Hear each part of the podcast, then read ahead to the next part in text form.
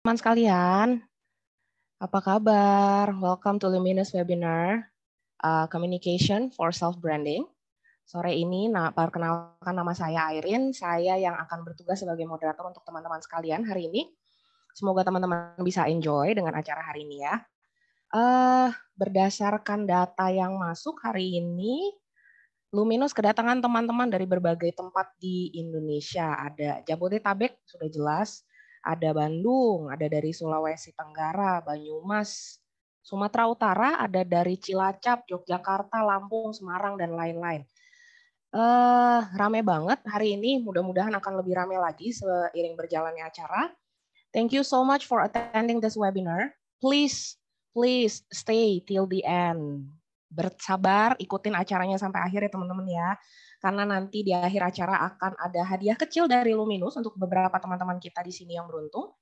Uh, dan sertifikat e-certificate itu juga hanya diperuntukkan bagi teman-teman sekalian yang mengikuti acara sampai akhir. Oke, okay? jadi please stay tune. Saya berharap webinar ini bisa membawa manfaat buat teman-teman sekalian. Di akhir webinar ini rekan-rekan juga bisa mendapatkan pengetahuan baru yang mudah-mudahan berguna buat teman-teman sekalian ya. Oke, uh, sebelum memulai ada sedikit informasi ini yang perlu saya sampaikan. Saya mau ajak teman-teman sekalian buat kenalan sama penyelenggara acaranya.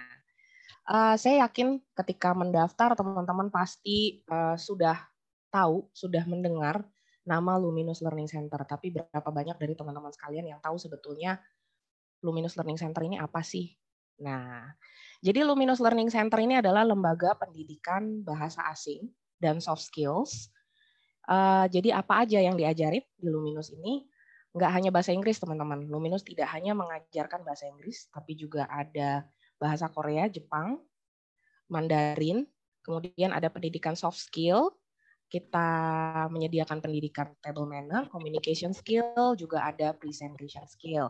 Nah, jadi teman-teman nih yang ber, uh, yang tertarik untuk belajar bahasa asing, communication skill, presentation skill, please don't hesitate to contact us. Nanti akan dibantu dari tim dari Luminous ya. Oke, okay, uh, eh, selain mengajarkan berbagai macam jenis skills dan bahasa, Luminous juga mengadakan event-event untuk development. Seperti apa ya webinar kayak gini. Kemudian nggak lama ini juga kita mengadakan Instagram Live Eh, dengan topik-topik tertentu yang jelas. Juga ada English speaking community. Jadi kita punya English speaking community dengan nama Spectacular. Nah, untuk Spectacular ini nanti saya akan jelaskan lebih lanjut, teman-teman akan ada penjelasan yang lebih jelas. Sementara ini untuk penjelasan tentang Luminous lebih lanjut, saya mau ajak teman-teman untuk menyimak sedikit uh, slide ini sebentar.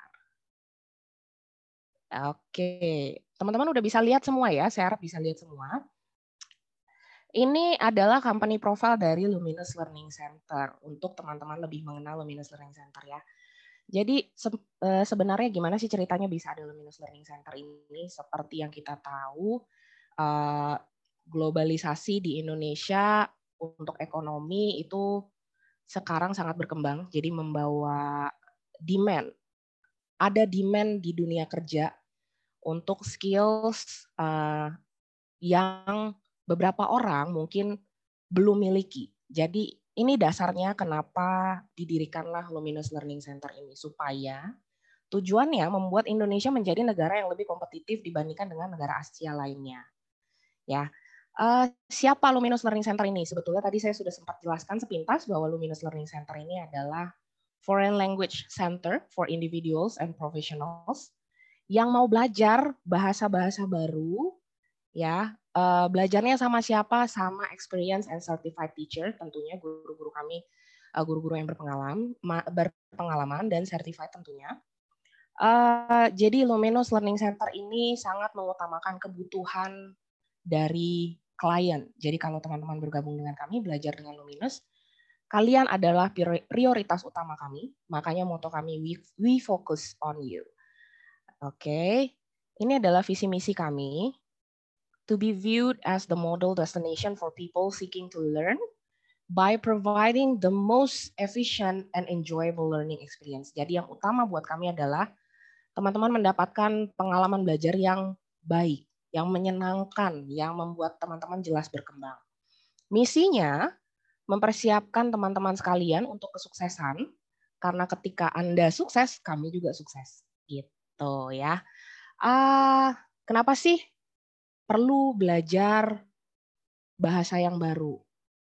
Kenapa perlu tahu skill-skills yang baru? Jadi ada tiga faktornya. Yang pertama adalah curiosity. Curiosity itu rasa ingin tahu, necessity, and self-improvement. Jadi ini alasannya. Pertama alasannya adalah dimulai dari penasaran. Kemudian rasa penasaran itu menimbulkan rasa butuh. Teman-teman penasaran dulu nih pengen melihat dunia dengan kacamata yang berbeda. Jelas bahasa itu penting. Contoh, mau traveling ke luar negeri, tapi terus nggak bisa bahasa Inggris, mau ke Jepang nggak bisa bahasa Jepang, pengen ke Korea nggak bisa bahasa Korea, penasaran pengen bisa, oke, kemudian dari penasaran itu, aduh butuh gue butuh pelajarin nih supaya gue bisa traveling ke sana, ya. Kemudian dari rasa penasaran dan rasa kebutuhan ini akan setelah teman-teman belajar akan ada self improvement. Yang jelas skills akan bertambah. Nanti enak tuh buat teman-teman yang mungkin yang pelajar nantinya job seeker di skill di kolom CV di skillsnya bisa ditulis uh, jago bahasa Korea kan bagus banget ya itu kinclong sekali itu CV nantinya. Oke, kemudian apa aja yang akan teman dapatkan? Jelas pertama seperti yang tadi saya jelaskan quality instructors, teachers dan coach kita orang yang uh, experience sudah certified di bidangnya. Kemudian ada native teachers, local teachers, nanti ini juga akan disesuaikan dengan kebutuhan dan keinginan teman-teman sekalian. Kemudian flex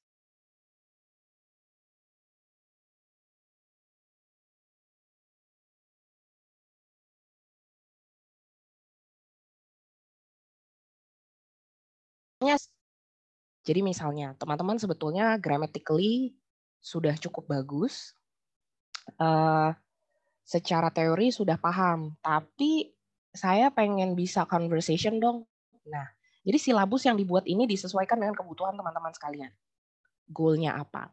Kemudian flexible hours based on schedule, ya bisa disesuaikan dengan uh, jadwal teman-teman kesehariannya. Jadi jam belajarnya fleksibel, kemudian fleksibel uh, locationnya juga.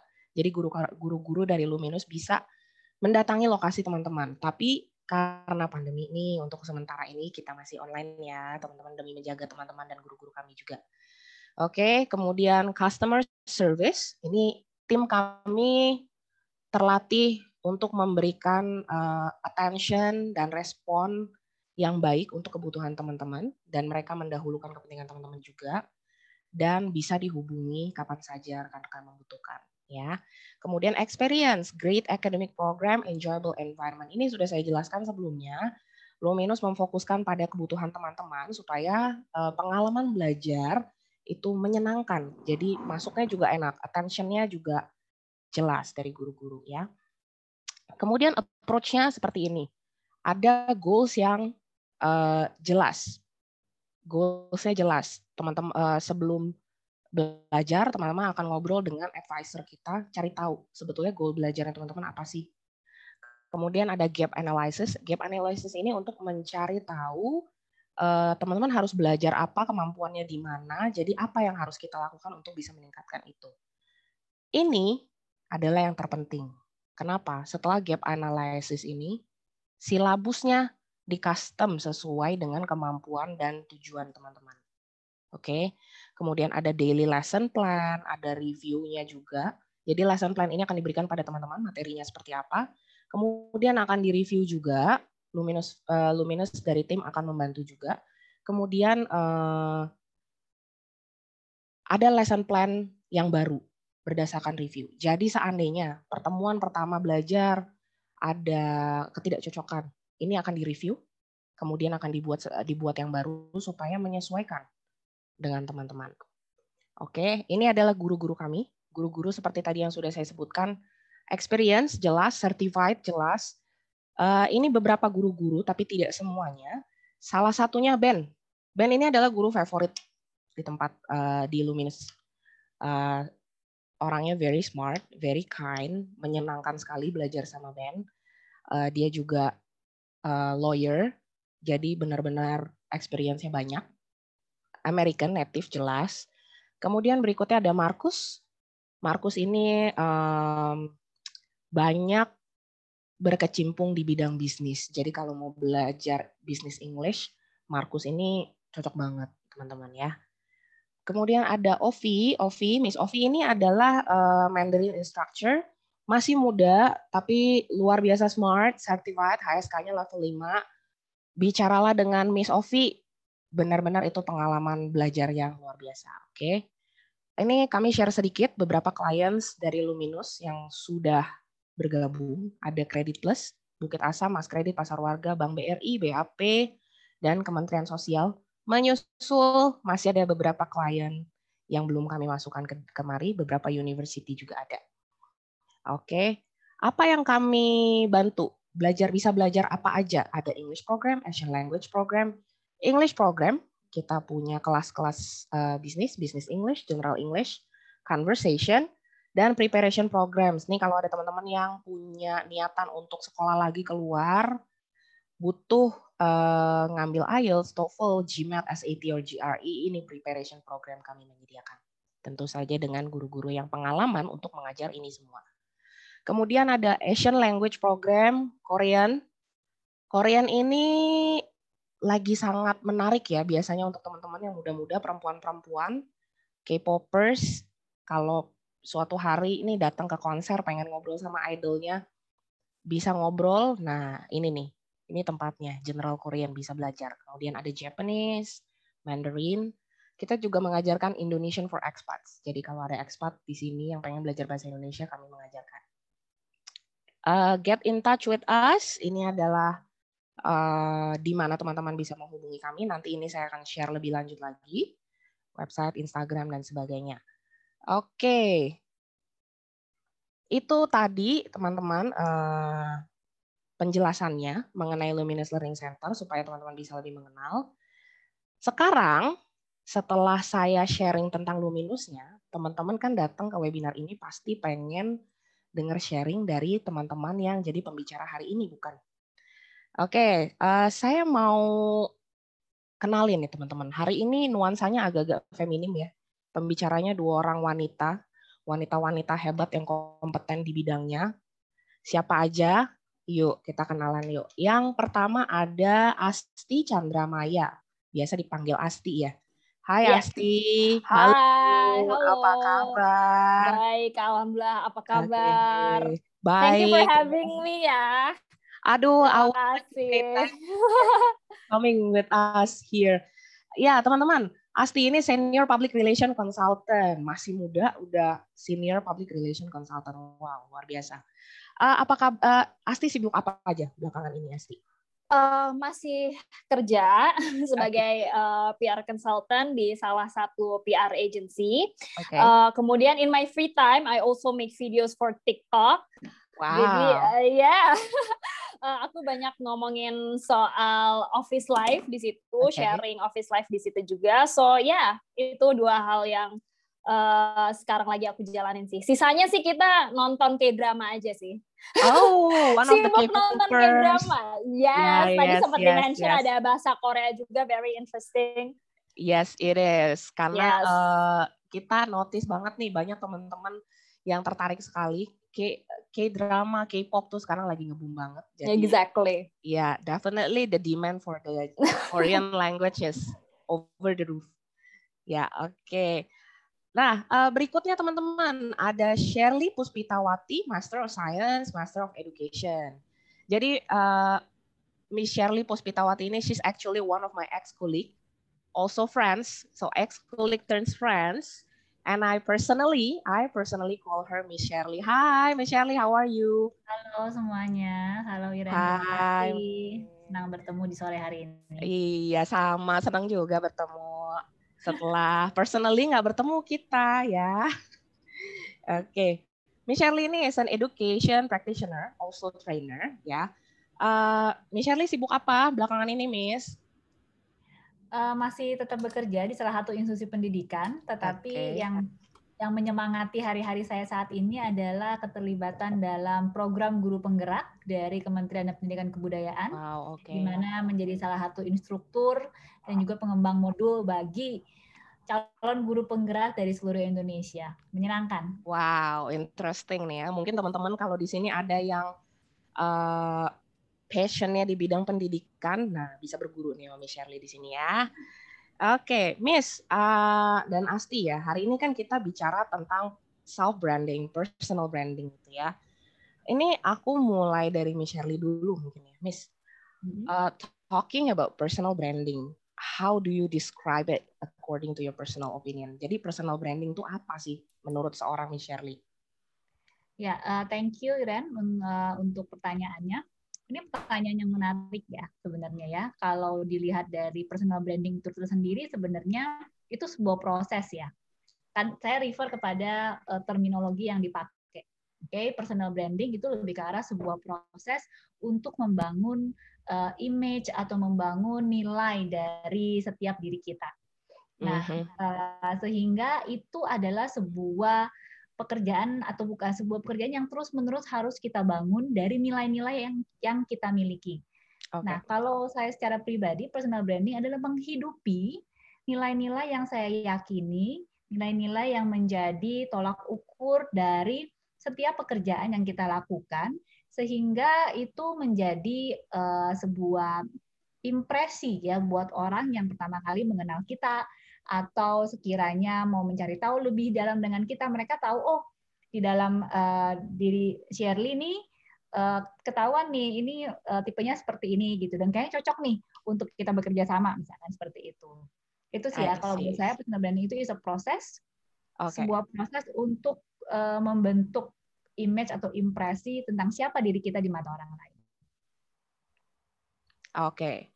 Uh, kalau ini sebuah proses gitu ya, berarti ketika membangun kita juga belajar ya. Berarti itu proses suatu proses belajar. Membangun personal branding itu suatu proses belajar. That's how I take it. Nah, uh, belajar itu kan berarti ada seseorang yang jadi kiblat nih. Untuk seorang Shirley Puspitawati, punya role model gak sih?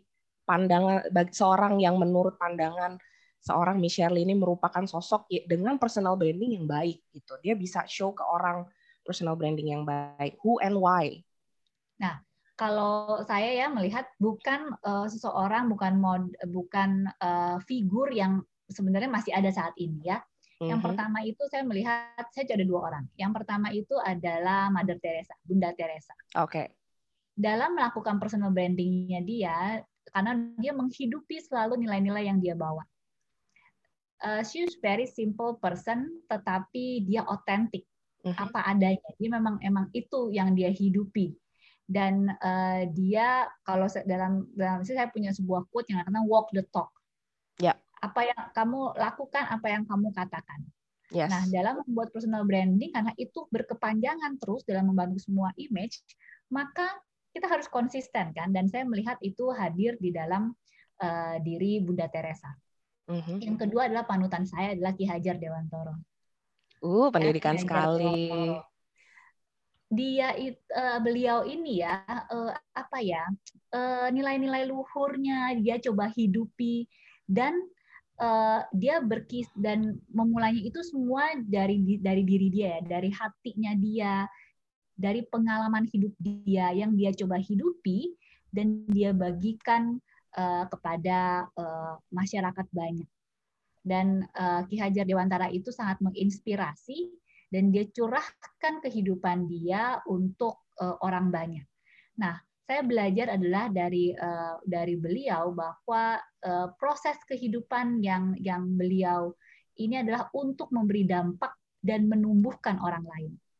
Jadi uh, saya berasa bahwa kalau kita ingin uh, mempunyai image atau personal brand yang hidup dan menghidupkan orang lain, kita harus berusaha terus-menerus dan mempunyai visi bahwa aku hidup untuk uh, membuat orang lain juga lebih hidup.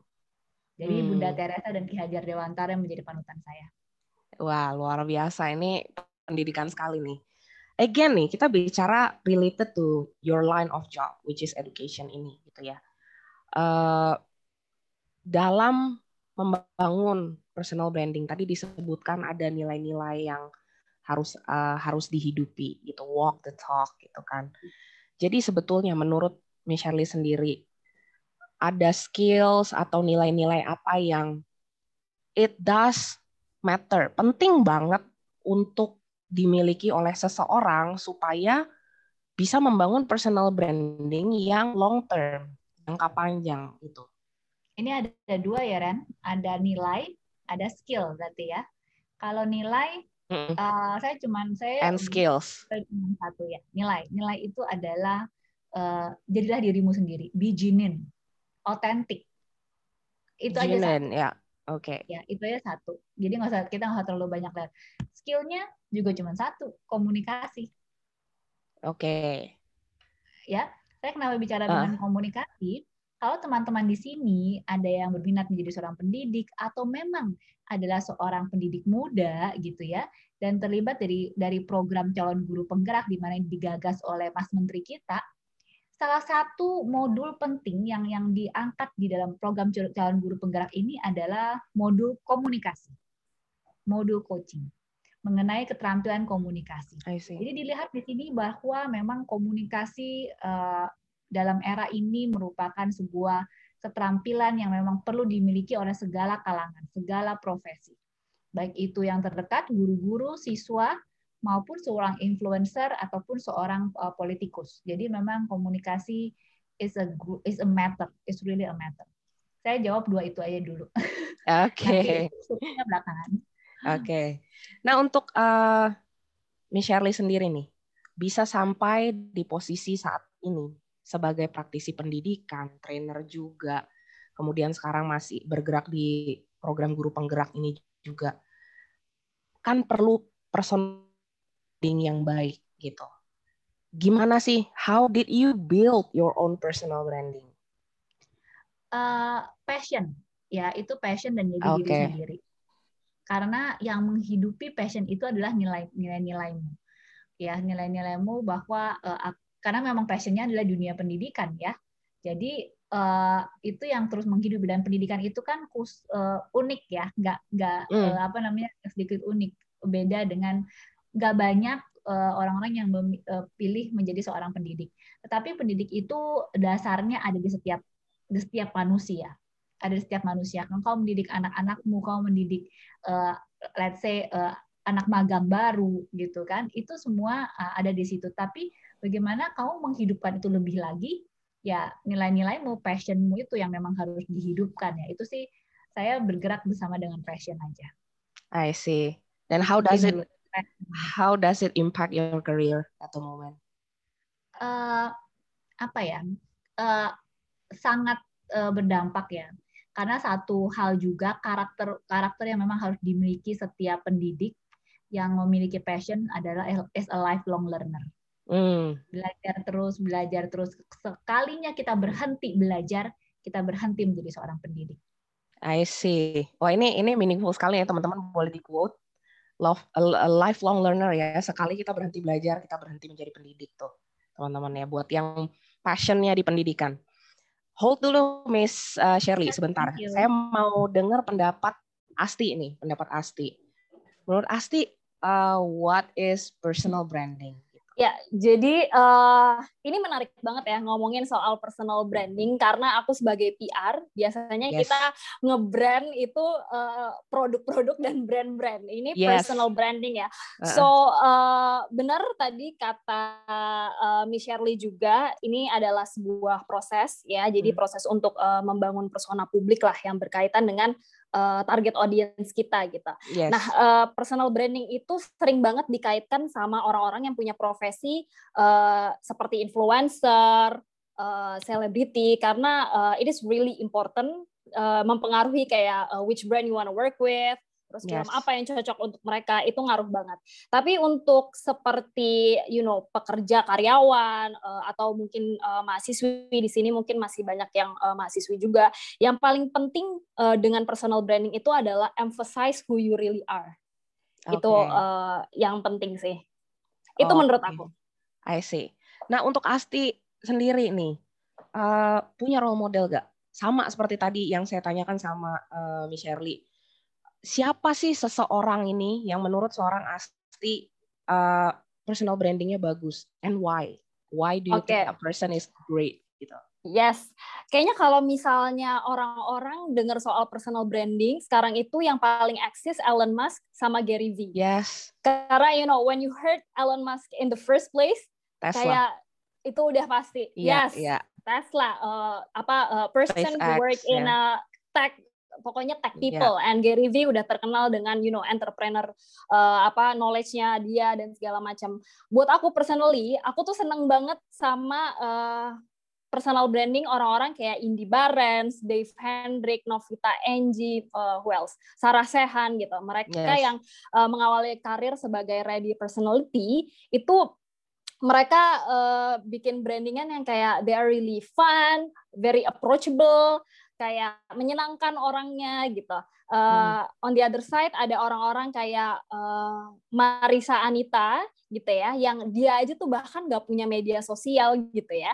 Tapi hmm. uh, kita tahu gitu uh, apa personal brandingnya dia sebagai seorang jurnalis dan aktris juga uh, yang suka sharing juga um, tentang hal-hal yang uh, menurut aku sangat uh, memberikan banyak ilmu lah buat aku sendiri gitu. Dan ada orang-orang kayak I love this person uh, Hannah Al Rashid dia tuh um, sekarang uh, dikenal sebagai aktivis Oke. Okay. Gitu ya. Uh, dia dikenal sebagai aktivis yang benar-benar apa standing for women's right gitu ya sekarang dan uh, itu yang tadi aku mention bahwa you know emphasize what you really want to emphasize gitu. Orang-orang hmm. kayak Hannah Al Rashid dan Marisa Anita itu uh, mereka just you know uh, true to yourself gitu. Apa yang mereka ingin sampaikan uh, ya yeah, they share it to public. Dan orang-orang itu yang very inspired for me. Oke. Okay. I see. Nah ini uh, Asti kan bergeraknya di bidang public relation, ya. Yes. Uh, kalau di bidang pekerjaan ini ya, public relation ini, hal-hal like seperti tadi Shirley bilang ada nilai-nilai, ada skills, apa aja sih yang penting dimiliki to build that long-term kind of personal branding? Oke, okay, karena aku yes. udah you know, it's my fifth year being in public relations. Benar tadi kata Miss Shirley ya, communication skill itu buat aku uh, penting banget. Dan okay. kemudian uh, on the other side, karena aku ini uh, kerja di PR consultant yang harus dealing with uh, so many people around the world, jadi yes. uh, for some reasons uh, bahasa asing juga menurut aku menjadi satu hal yang um, perlu dikuasai lah buat hmm. orang-orang ya mungkin maybe di sini ada yang mau jadi PR juga nantinya gitu ya so uh, uh, in terms of bahasa asing kan itu pasti juga bakal support you know um, your communication skill juga kan. Yes. jadi ya yeah, so tapi nomor satu buat aku sih uh, communication and be consistent juga sih. Jadi uh, ya jangan bikin personal branding sekali terus diem terus uh, berubah berubah gitu personal brandingnya. Jadi kayak nih orang maunya apa sih jadinya? So be consistent juga sih Iya, jadi personal branding tuh nggak kayak produk branding yang bisa rebrand and rebrand iya. and rebrand lagi ya. Yes, iya. aneh banget ya kalau orang tuh tiap bulan, tiap semester kan kalau branding tuh tiap semester ganti ya rebrand, iya, rebrand. Iya. Ini orang berubah-berubah terus, iya. mau ke mana gitu ya? Kan ya. kalau produk bisa kayak gitu kan, exactly. tiba-tiba dia hilang, hiatus, terus tiba-tiba nongol rebrand gitu. Iya. Kan, kan nggak mungkin kita kayak gitu. Betul. I see. Uh, lagi nih seperti sama tadi Miss Shirley, uh, sekarang bisa sampai di posisi sebagai senior public relation consultant itu butuh long process. Like you said it's been your fifth year gitu. Itu proses dan butuh personal branding yang baik seperti yang tadi Asti bilang be consistent. So how did the process go? Gimana caranya oke okay, uh, eh, karena bekerja dengan orang banyak Uh, aku itu juga kan uh, jadi PR tuh harus you know meeting a lot of people out there terus ketemu sama teman-teman jurnalis juga. Uh, proses yang paling penting buat aku adalah networking. Dan ini hmm. juga ngebantu banget uh, di bagian uh, you know self branding juga ya. Itu akan uh, very helpful banget uh, buat teman-teman gitu semuanya. So uh, proses yang um, kalau misalnya kreatif itu kan by time ya proses yes. juga gitu. Kreatif communication skill ketemu uh, orang yang tepat uh, kita juga bisa belajar gitu dari mereka. Mm -hmm. uh, tapi itu juga butuh network.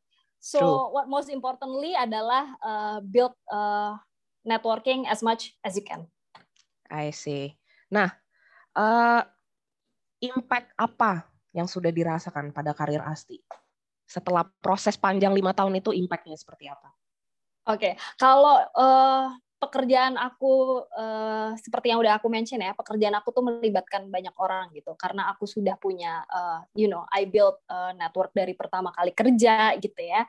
Uh, dan I tried myself to be, you know, friendly, uh, self branding aku gitu ya. Yeah. Pengennya you know being the person yang very friendly and approachable. Jadinya untuk karir aku sekarang jadi uh, lebih mudah sebenarnya gitu. Kalau misalnya aku membutuhkan hal-hal you know di PR itu uh, banyak banget hal-hal yang dibutuhkan dari teman-teman eksternal gitu ya. So hal-hal itu uh, ngebantu aku banget sih di pekerjaan sekarang pertama. Hmm, oke. Okay. Tuh, teman-teman ya, ini uh, a bit of note di tengah-tengah nih sesi kita nih ya, Miss Shirley dan Asti sudah merasakan dan membuktikan impact dari personal branding yang baik ke karir masing-masing gitu ya. Nah, eh, kalau Miss Shirley nih, as a trainer and a practitioner, menurut Miss Shirley penting nggak seseorang punya personal branding yang baik? Ini mungkin teman-teman di sini masih banyak yang pelajar, masih banyak yang mahasiswa atau job seeker, Uh, jadi mereka masih itu membangun self branding. Perlu ya, sangat perlu. Halo? Ya, kedengeran nggak? Ya. ya. Perlu ya, banget. Ya, kedengeran, Miss. Ya. Kalau uh, kita mau membangun diri sebagai seorang PR ataupun seorang trainer, kalau kita tidak mempunyai self branding, apa yang mau dicari dari orang lain gitu kan? Orang lain juga yeah. akan mencari mau apa pun itu ya, mau apa pun uh, profesi kita. Bahkan seorang entrepreneur pun uh, ketika dia memiliki sebuah uh, self branding yang bagus, produk yang dijual pun dia orang akan juga akan melihat dengan siapa itu yang yang penciptanya, siapa itu yang menjalankan usahanya. Uh, itu akan berdampak ke situ. Dan uh, saya setuju banget yang Asti uh, katakan bahwa networking itu perlu. Bahkan di bidang pendidikan pun itu sangat perlu ya sangat perlu nggak bisa cuma hmm. networking hmm. mengandalkan cuma hanya orang tua dan siswa misalkan ya nggak bisa tapi kalau uh, jadi seorang pendidik itu kan luas. Jangan ya. uh, kita nggak bisa berpikir pendidik itu hanya seorang guru, ya karena uh, pendidik itu luas dan bisa berdampak ke mana-mana. Nah, networking sangat diperlukan. Uh, saya banyak sekali ikut dalam kegiatan organisasi, baik itu organisasi guru, organisasi pelayanan, ataupun apa itu gitu ya. Karena memang itu di situ untuk tempat kita, untuk orang-orang juga merasakan siapa kita, gitu kan, image apa yang dibangun gitu. Uh, saya S1-nya pendidikan ya. Okay. Tapi S2 saya pertama kali saya ambil public relation loh. Nggak matching kan? Orang berpikir ngapain ini? S1-nya pendidikan bahasa Inggris, tapi S2-nya saya ambil uh, Science of Communication. Waktu itu saya ambil di London School of Public Relation. Satu-satunya orang pendidikan yang ambil PR. Tapi pada saat itu saya merasakan bahwa even in education you need public relations. You need that skill. Gitu. Dan sekarang yeah. jadi dibutuhkan. Berapa banyak sekarang sekolah-sekolah yang butuh PR, yang butuh humas. Semua uh, bidang uh, usaha akan memerlukan uh, public relations. Ya, apa namanya profesi asti ini sangat demand banget sekarang, apalagi di dunia yang sekarang ini gitu kan, udah merambah ke mana-mana gitu. It's not only about uh, personality PR-nya juga, tapi memang karena butuh banget apalagi di dunia media uh, sosial maya gitu ya sekarang ya. Karena brandingnya pun akan disesuaikan dengan uh, kebutuhan. Gitu sih.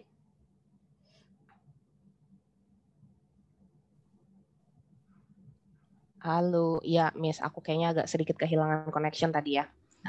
Uh, ini pertanyaan berikutnya, menurut aku tuh penting buat teman-teman di sini yang pengen berkarir di pendidikan atau mungkin melanjutkan pendidikan ke negara lain. Ya, tadi kita sempat bahas tentang skills, nilai-nilai yang diperlukan untuk uh, long-term personal branding. Menurut Miss Shirley, uh, sebagai praktisi pendidikan, dunia pendidikan kita memberikan skills apa aja dan skills apa aja yang harus kita pursue sendiri, kita add up sendiri di luar, informally. Kalau uh, dunia pendidikan sekarang itu sangat mengusung namanya 4C, udah pada tahu lah ya, communication, collaboration, uh, creativity, apalagi itu satu lagi tuh. Ya, itu satu, ya 4C itu ya. Uh, apa namanya? Critical thinking, sorry, critical thinking oh, aku okay. lagi.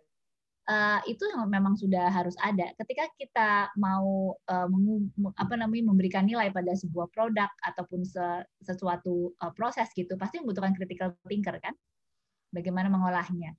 Uh, when uh, kalau kita nggak kita nggak bergerak sendiri, kita bersama dengan rekan kita, collaboration, ya, untuk menghasilkan brand tersebut dalam prosesnya perlu creativity. Dan akhirnya ujungnya adalah communication. Itu yang memang sudah diusung dan uh, hadir di pendidikan saat ini. Tetapi yang harus dicari, saya kembali ke Asti tadi, networking. Itu yang nggak nah. bisa dicari, yang nggak bisa dikasih dari sekolah, nggak yeah. bisa iya. didapat dari university kita university kita memberikan opsi-opsi yang ada, tinggal bagaimana kita mau apa tidak. Do you want to get involved in that organization? Do you want to get involved in the in the social project? That's your choice. Karena networking itu adalah keputusan kita.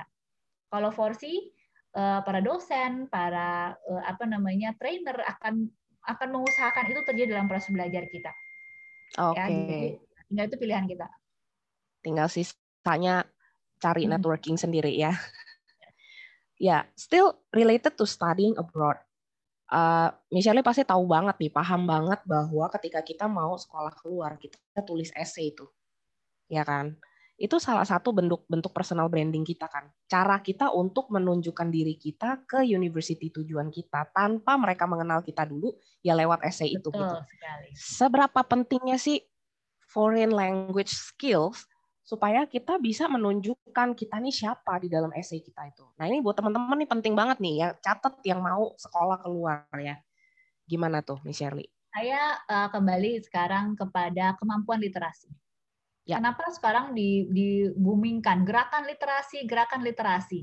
Literasi ya. itu kan tidak cuma menulis, tetapi ada membaca di situ.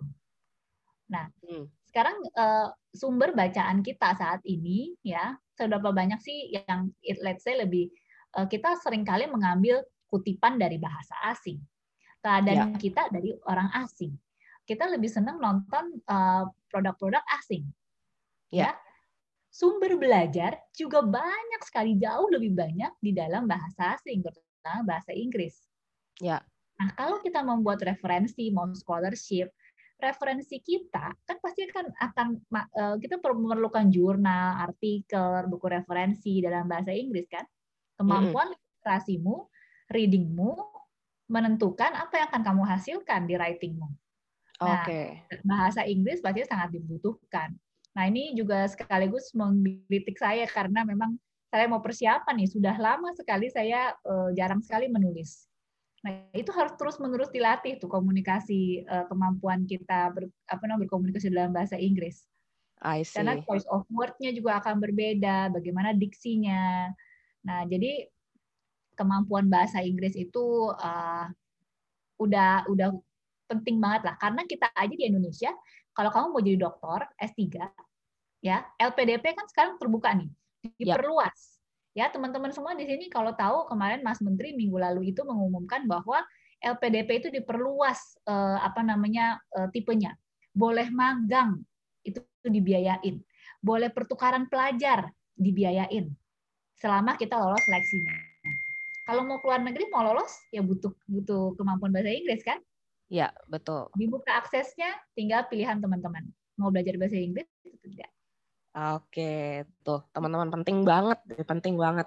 Jadi banyak baca, banyak uh, mendengar ya, itu sangat ngebantu kemampuan literasi ya. Oke, nah Asti ini, ini hari ini buat saya sangat menarik. Kenapa kita kedatangan dua orang pembicara dengan background yang sangat berbeda. Jadi kita dapat insight yang sangat luas nih. Sekarang aku mau ke Asti. Asti as a public relation, jelas banget kan kalau Asti akan berhubungan dengan banyak orang. Tadi juga Asti udah sempat mention akan ketemu dengan berbagai macam orang. Seberapa penting Asti punya personal branding ini untuk ditunjukkan ke orang-orang ini? Karena mereka kan nggak kenal sama Asti gitu. betul betul. Sebenarnya personal branding itu uh, tentu penting ya. Hmm. Kalau enggak ngapain ya kita diskusi di sini ngomongin yeah. self branding gitu ya. Betul, eh, betul. Uh, dan ini yes, dan ini juga berlaku uh, buat tadi sempat dimention uh, job seeker juga ya. Penting banget punya self branding karena uh, self branding itu pada akhirnya yang membedakan kita dengan yang lain. Mm -hmm gitu uh, dan uh, kalau aku sendiri as I mentioned before uh, aku senang banget uh, membangun uh, branding as a friendly people gitu. Yang akhirnya um, apa aku emphasize hal itu. Dan ketika aku uh, networking sama teman-teman media uh, sama clients uh, ya jadi aku pengennya nggak kaku gitu. Betul. And it really, okay. yeah and it really helps uh, for you know kayak uh, kerjasama bisnis kita tuh jadi jadi lebih mudah gitu. Gitu sih. Oke. okay.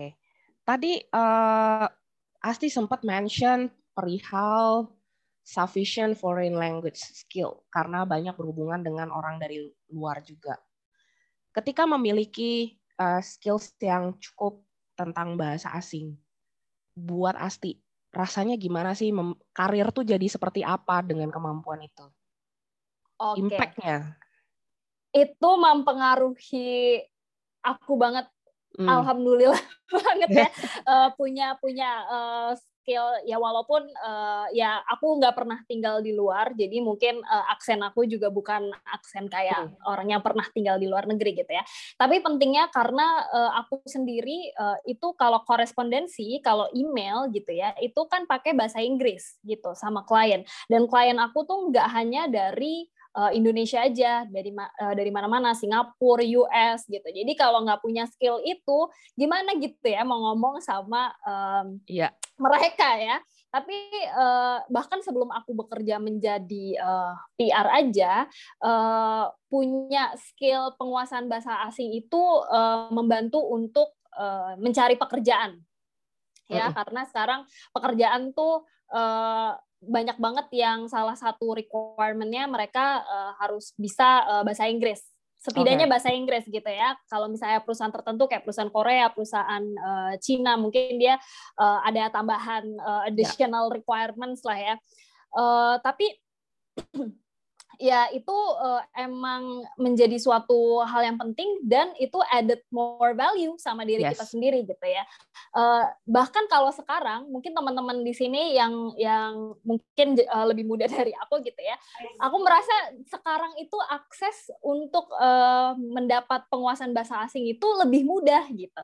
Kan ada kayak institusi semacam Luminous juga. Kemudian sekarang kita mau akses uh, nonton uh, film bahasa asing itu itu udah tinggal di jempol aja bisa mm. lewat Netflix akses YouTube juga gampang banget mungkin kalau zaman aku Miss Shirley mungkin juga ngerasain ya kita kalau misalnya dulu tuh mau akses YouTube susah banget harus ke warnet jadi orang-orang uh, yang punya skill penguasaan bahasa asing pada zaman sebelum-sebelum ini mungkin adalah orang-orang yang punya privilege khusus aja, orang-orang hmm. yang punya akses ke cable TV dan itu nggak semua orang punya kan. Kalau sekarang uh, justru enak banget nih teman-teman bisa banyak uh, belajar dari mana aja dan emang paling gampang belajar bahasa asing itu kan dari uh, dibantu sama film dan musik ya. ya. Jadi justru sekarang ini uh, menurut aku pasti teman-teman uh, lebih gampang untuk menguasai bahasa asing gitu. Dan jadi sayang banget kalau misalnya ada alasan uh, aku nggak bisa deh bahasa asing padahal akses sekarang tuh jauh lebih mudah gitu. Jadi ya, yeah. so it's very important. I see. Nah ini pertanyaan berikutnya nih yang aku pengen tanya ini sebetulnya lebih kepada uh, practical knowledge sih, mungkin tips praktis dari Asti. Uh, kan teman-teman di sini banyak, aku yakin ada yang job seeker, ada yang uh, mahasiswa dan nantinya akan jadi job seeker juga. Personal branding buat mereka itu penting banget in order to get the job, ya menurut Asti sebagai seorang PR, how should people present themselves in order to show their personal branding? Oke, okay. uh, eh, pertama yang harus uh, diketahui ya cari tahu dulu diri sendiri itu dan uh, pengen dikenalnya sebagai apa, gitu ya. Jadi uh, penting banget untuk uh, apa learning yourself, tahu yes. diri kalian itu uh, apa. Kemudian uh, define your uh, audience gitu dan di adjust ya. Hmm. Jadi uh, disesuaikan lah karena uh, kalau misalnya kita ngomong dengan generasi Z, mungkin kita beda gitu ngomong dengan generasi X. Hal-hal kayak gitu juga uh, perlu dipahami karena maka dari itu tadi kita sempat mention communication skill. Itu penting banget karena uh, once kalian udah menguasai communication skill itu, itu akan lebih mudah untuk kalian bisa define your or, your own audience dan membedakan audience masing-masing gitu. Uh, karena treatmentnya udah pasti beda gitu ya. Dan yang terakhir, again, networking. Networking nggak cuma ngebantu kalian untuk communication skills. Kita hobi banget ya, Miss Shirley yang ngomongin networking. Uh, ya karena nggak cuma ngebantu uh, untuk uh, apa com, uh, improve communication skills. Uh, itu juga ngebantu banget buat teman-teman yang memang uh, lagi job seeker gitu, nyari pekerjaan itu sangat amat membantu. So it's important to build networking. Kalau masih muda sekarang networking deh. Ya. Sebanyak-banyaknya Sebanyak banyaknya. jadi jangan jangan hari weekend weekend tuh jadi kaum rebahan keluar sih ya ketemu orang gitu kan. Iya, even sekarang di medsos juga kita bisa networking dengan uh, banyak orang. Iya, find ya, benar. Uh, cari iya, exactly, cari teman-teman yang uh, punya interest yang sama ya Miss Shirley tadi uh, mention community itu. Yes. Ya, oke. Okay. Tuh ya teman-teman udah udah banyak banget yang disebutkan ada community coba networking ketemu sama orang-orang di luar sana karena itu akan sangat membantu teman-teman nantinya.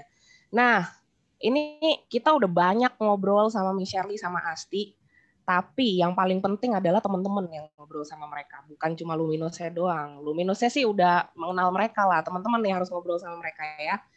Sekarang Luminous mau buka uh, sesi interaktif. Teman-teman bisa nanya langsung sama Asti sama Miss Shirley, tapi ini ada sedikit pengingat, Luminous tetap berharap kalian semua stay sampai akhir acara. Nanti akan ada form yang harus kalian isi untuk dapat sertifikat acara ini ya.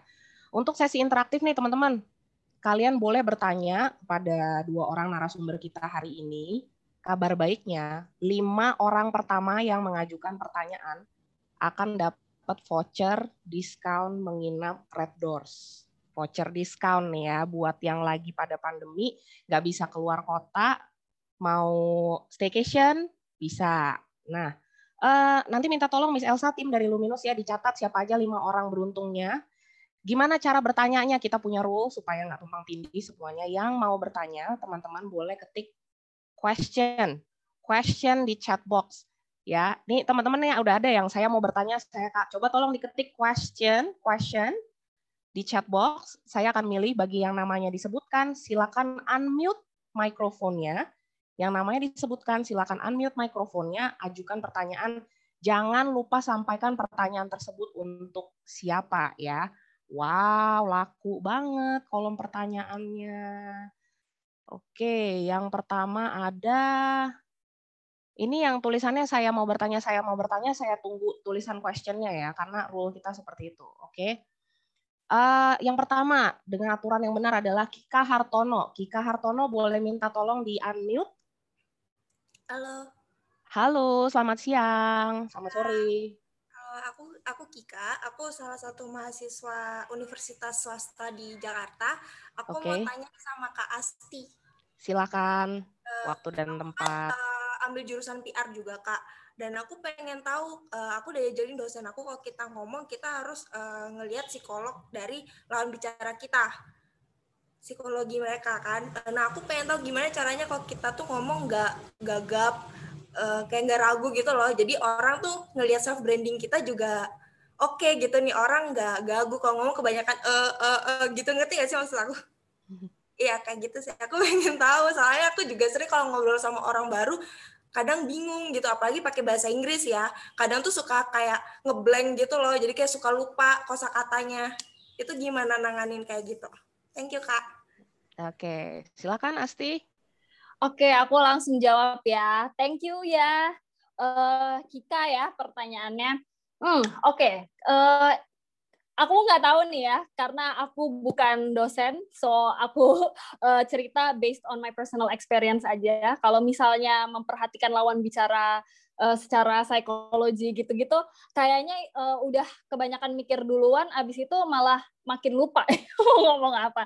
So yang paling penting itu sebenarnya uh, tadi balik lagi gitu uh, sebenarnya paling gampang dari sisi uh, usianya aja gitu. Dan uh, dari sisi usia itu makanya penting banget buat seorang PR itu nggak ketinggalan nggak usah seorang PR ya semua deh. Itu penting banget untuk nggak ketinggalan zaman gitu ya. Jadi kita benar-benar tahu how to deal with each generation. Karena cara treat kita itu beda banget uh, dari masing-masing uh, generasi gitu ya. Uh, dan tadi uh, apa Kika kalau misalnya masalahnya sering apa ya sering gugup itu sebenarnya bagian dari uh, proses gitu ya. Karena pas aku masih jadi mahasiswa juga aku bener-bener clueless gitu. Kayak di luar sana tuh takut salah deh ngomong. Apa kalau misalnya di PR tuh ya kayak pertama kali ketemu dengan media itu takut mau ngomong apa. Karena kita udah di apa namanya dijejelin sama universitas kita gitu ya. Kalau ngomong sama media tuh mesti hati-hati. Akhirnya karena terlalu kehati-hatiannya itu kita jadi malah takut. Padahal uh, just go with it terus uh, be yourself aja dan uh, itu tadi ya uh, build networking sehingga kamu tahu how to deal with uh, people and each generation karena kamu udah terbiasa gitu ngobrol dengan orang lain. Uh, jadi kalau misalnya emang it sounds cliche sih ngomong tuh kalau misalnya orang-orang yang bekerja di dunia PR atau marketing tuh harus jago ngomong ya nggak necessarily jago ngomong kayak wah gimana? gitu ya kayak Oprah Winfrey gitu ya nggak juga. Uh, tapi yang paling penting how to uh, how to deal with the person you talk to gitu. Jadi ya nggak usah takut it's a process. Jadi uh, kalian kamu bakal get used to it anyway sih. Oke, cukup menjawab Kika. Cukup Kak. Thank you. Thank you. Oke, okay, thank you Kika. Nanti dihubungi ya untuk vouchernya ya. Oke, okay. uh, berikutnya pertanyaan berikutnya ada Putri. Halo Putri. Halo. Hai Putri, apa kabar kamu? Baik. Iya, pertanyaannya untuk siapa nih Putri? Uh, sebenarnya buat Kak Asti atau Kak Shirley juga boleh. Oh, dua-duanya aja ya, biar dijawab Paul gitu ya. Oke, silakan pertanyaannya. Jadi aku sebenarnya kayak baru keterima kerja gitu kan tiga bulan ini. Dan di kantor ini tuh karena first time aku uh, kerja gitu. Kadang kalau ngomong sama atasan tuh kayak, aduh, dia diomongin gak ya? Ini bahasanya gimana nih mau nyampein ini? Ah dia kan orangnya gini. Gimana ya? Nah aku tuh jadinya kalau meeting itu mau speak up tuh kayak uh, ngeblank gitu lah. Dia mau ngomong apa gitu. Kayak nulis sendiri gitu. Tuh caranya gimana? Oke, ini siapa duluan nih enaknya? Miss Shirley atau Asti dulu? Mungkin Miss Shirley dulu boleh, Miss? Uh, halo Putri. Ya, itu waj- halo. Putri ya tadi ya, namanya ya. ya. Uh, wajar sih ya biasanya siapa pun itu yang pertama kali um, ketemu atasan itu ataupun ini ada ketegangan ya.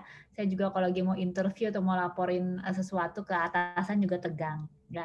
Tapi kalau saya uh, clue-nya cuma satu apakah kamu menguasai materi pekerjaan yang sudah kamu lakukan. Apa pun itu ketika kita akan berbicara dengan siapa pun, ya, dengan rekan kerja atau dengan atasan kita, ketika kita yakin tentang apa yang sudah kita lakukan, kita kita belajar dan sudah eh, apa ya menguasai materi atau bahan yang kita yang kita kerjakan, eh, itu akan sangat membantu karena uh, we have been ready with any questions that they will ask. Ya kita akan siap dengan apa pun yang akan ditanya. Ya, apa pun itu uh, kalau saya sih rasanya di situ jadi jangan jadi jangan uh, apa namanya uh, takut duluan gitu ya. Dan teknik yang kedua itu saya belajar tentang teknik stop. Ya, teknik stop itu sebelum kita masuk kita uh, hentikan sebentar, uh, tarik nafas tiga kali, buang gitu lalu kita masuk Nah, eh, itu sangat membantu juga. Ya, itu sangat membantu. Itu dua hal yang uh, tips praktis. Kadang-kadang pun kalau saya mau ngajar, saya juga ragu loh. Tapi kalau kita sudah menguasai materi pelajaran kita, kita akan bisa. Ya itu kalau dari sisi saya ya. Coba nanti mungkin Asti akan melengkapi. Oke, silakan Asti. Oke, sama sih, nggak jauh beda. Aku ya sampai sekarang gitu uh, apa presentasi aja gitu ya. Udah biasa sering presentasi tapi tetap aja sebelum presentasi tuh kan kenceng banget gitu. Sebenarnya permasalahannya itu tadi ya karena kalau kebanyakan mikir orang-orang itu pasti cenderung takut ada hal-hal yang jadinya lupa disampaikan. Gitu. Uh, karena uh, talking to people itu nggak sama kayak misalnya kita ngerjain uh, ujian yang kita harus ngafal ya uh, ada you know written testnya gitu. Kan kalau ngomong enggak gitu. Justru kalau misalnya kebanyakan mikir jadi ya benar tadi blank gitu ya. Bawaannya blank. Tapi again benar Miss Shirley juga uh, mention soal uh, persiapan. Persiapan itu uh, selalu penting tapi hindari yang namanya menghafal. Hmm. karena itu membuat kamu kebanyakan mikir dan jadi pressure. Karena kamu terlalu banyak beban mikirin takut ada hal yang lupa pengen kamu sampaikan. Gitu. Jadi uh, persiapan penting dan uh, hal-hal kayak gitu tuh by time juga ya Miss Shirley. Maksudnya lama kelamaan uh, kamu juga akan uh, terbiasa dengan hal itu. So jadi grogi itu adalah proses. So it's ya yeah, it's natural ya. Natural banget. Hmm. oke. Okay. cukup menjawab nih Putri cukup, makasih. Oke, jadi yang penting persiapannya aja cukup Putri, dikuasai materinya dan jangan terlalu banyak mikir, nggak apa-apa. Oke, sip. Uh, next questionnya ada dari Zahra Desantari. Zahra Desantari? Iya, Halo, Halo semua. Zahra, ya. apa kabar? Baik, salam kenal semua uh, tim salam kenal. Learning, Kak Asti iya. dan Shirley. Di sini aku pengen bertanya, hmm. untuk Miss Shirley dan Kak Asti sih aku lebih pengen tahu perspektif dari kakak-kakak di sini. Jadi uh, aku kan sekarang kuliah jurusan psikologi, tapi akhir-akhir ini tuh sering internship dan magang di uh, eh, PR, di komunikasi lebih ke digital marketing dan dan bidang-bidang sejenisnya lah. Nah, aku tuh pengen tahu karena aku maksudnya background pendidikannya kan beda banget ya sama uh, internship yang aku jalani saat ini yaitu PR dan digital marketing. Itu langkah-langkah apa aja sih yang waktu itu kakak-kakak lakukan gitu? Specifically dalam building the career gitu. Terima kasih sebelumnya. Oke, Zahra. Ini jadi ceritanya beda background, beda kerjaan ya. Don't yeah, worry be oke, okay, don't worry be happy. Aku beda background, beda kerjaan loh. Kerjaanku bisa juga. Kerjaanku sekarang bisnis development, background aku hukum. Kalau kamu mau tahu itu lebih jauh lagi. oke. okay. Jadi oke, okay. tapi untuk penjelasan lebih lanjutnya mungkin Shirley dan Asti bisa lebih menjelaskan. Silakan. Uh, Asti, mungkin Asti. Boleh, boleh. Uh, kalau aku kuliah sama kerja soalnya sesuai ya, tapi yeah. aku ketemu banyak banget teman-teman uh, eh, PR yang backgroundnya nggak PR. Jadi uh, sebenarnya gini, uh, your first career itu uh, aku bisa bilang lumayan penting untuk decide uh, your next step career ya. Uh, tapi setidaknya kamu mesti tahu dulu kamu enjoy apa enggak menjalaninya kan permasalahannya itu karena uh, again ya for some strange reason memang mm, kadang-kadang tuh apa yang even aku di PR kuliah dulu di PR uh, banyak banget teori-teori di PR yang akhirnya nggak semuanya aku aplikasikan di uh, dunia kerja gitu. Jadi sih kalau misalnya permasalahannya backgroundnya jauh banget sih nggak nggak ini ya nggak terlalu efek gitu sama uh, pekerjaannya. Tapi yang perlu dipahamin kan uh, kamu ngerasa enjoy atau enggak kalau misalnya kamu enjoy just go with it. Karena uh, at the end of the day perusahaan atau tempat-tempat yang pengen kamu apply itu mereka mencari experience. So build experience itu uh, nomor satu. Silakan Miss Shirley mau nawarin ya, oke okay. Miss Shirley. Ya thank you Asti. Uh, Zara tadi ambilnya kuliah psikologi ya Betul, Miss. Psikologi. Psikologi ya. Sebenarnya kalau saya sih saya relate-relate aja loh. Kalau saya eh, apa namanya eh, kamu sudah lulus nanti terus eh, melamar pekerjaan ya di mana pun itu saya akan dengan senang hati melihat kamu oh ternyata magangnya di di dunia PR itu relate-relate aja loh kamu apa namanya karena sekarang di dunia apa pun itu akan interconnected sangat akan tersambung ya uh, kuliah kamu di psikologi pastinya berhubungan dengan uh, membaca ataupun apa ya mengenal karakter ya mengenal karakter. Apakah itu karakter dari sebuah pekerjaan profil ya. Di dunia PR tadi seperti yang Asti coba sharingkan kan bahwa kita dealing dengan many generations. We have to know how to deal with them. Kita perlu uh, apa namanya membaca karakter mereka ya bagaimana uh, strategi komunikasi yang tepat. Dah uh, apa namanya keterampilan dan uh, knowledge Zara akan dibutuhkan di situ. Begitu juga dengan digital marketing. Target audiensnya seperti apa? Uh, apa namanya keahlian Zara di bidang psikologi juga dibutuhkan. Jadi Zara nggak perlu khawatir uh, kalau itu akan uh, kok nggak related. Justru pengalaman itu akan menambah wawasan Zara bagaimana uh, mengenal uh, area-area lain yang berhubungan dengan kehidupan. Nanti Zara maunya psikologi psikologi apa nih kira-kira? Psikologi perusahaan atau psikologi pendidikan atau sumber daya manusia? Aku sekarang ambil minat sosial sih, tapi emang minat juga di yang perusahaan organisasi juga, industri nah, organisasi. Nah, kalau nanti di organisasi pasti kamu butuh deh pengalaman yang sudah kamu dapat saat ini dari uh, magang di dunia PR dan digital marketing me, pasti itu akan sangat dibutuhkan. Kalau saya ada persoalan uh, sebuah perusahaan, kalau nanti Zara mau uh, melamar, terutama di bidang SDM, dengan senang hati, karena kamu sudah sudah ada pengalaman uh, di digital marketing dan PR, yang berarti kamu sudah uh, mempunyai pengalaman how to deal with other people, ya kan? Dan itu aspeknya luas sekali. Saya justru mau apa namanya menyemangati dan mengatakan congratulations Zahra because you have experience that uh, apa ya sebuah uh, pekerjaan atau area bidang yang pastinya akan mendukung kamu. Teruskan ya dan terus semangat aja Zahra. Makasih Mi Shirley, makasih Kak Asti, makasih semua. Oke. Ya, thank you Zahra. Ini aku mungkin nambahin sedikit kalau untuk Zahra ya, karena aku ngerasa relate banget sama apa yang kamu rasakan. Aku uh, background aku tadi aku udah sebutkan lima tahun aku di bidang hukum. Jadi aku sudah berkecimpung di bidang hukum selama lima tahun sampai akhirnya aku banting setir ke bidang business development. Nggak relate kah? Relate Zahra. Pengalaman yang udah aku dapat lima tahun sebelumnya itu sangat membantu aku di pekerjaan sekarang. Jadi nggak ada masalah, nggak perlu takut. Awalnya juga aku takut, gila ini tiba-tiba banting setir begini. Nggak kepake semua, percaya deh itu kepake semua, oke? Okay? Jadi it's fine. Everything's good. Oke, okay, Kak. Makasih. Iya, sama-sama. Oke, okay, next question ada dari Wanda. Wanda Selamat, Merdeka Putri. Ya, Kak, boleh nanya ya? Hai, boleh dong Wanda. Apa kabar kamu di sana?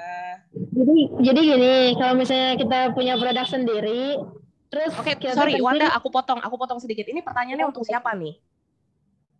Apa? Gimana? Pertanyaan pertanyaannya untuk siapa? Untuk Kak Asti Chandra Maya. Oke, ya silakan pertanyaannya. Iya.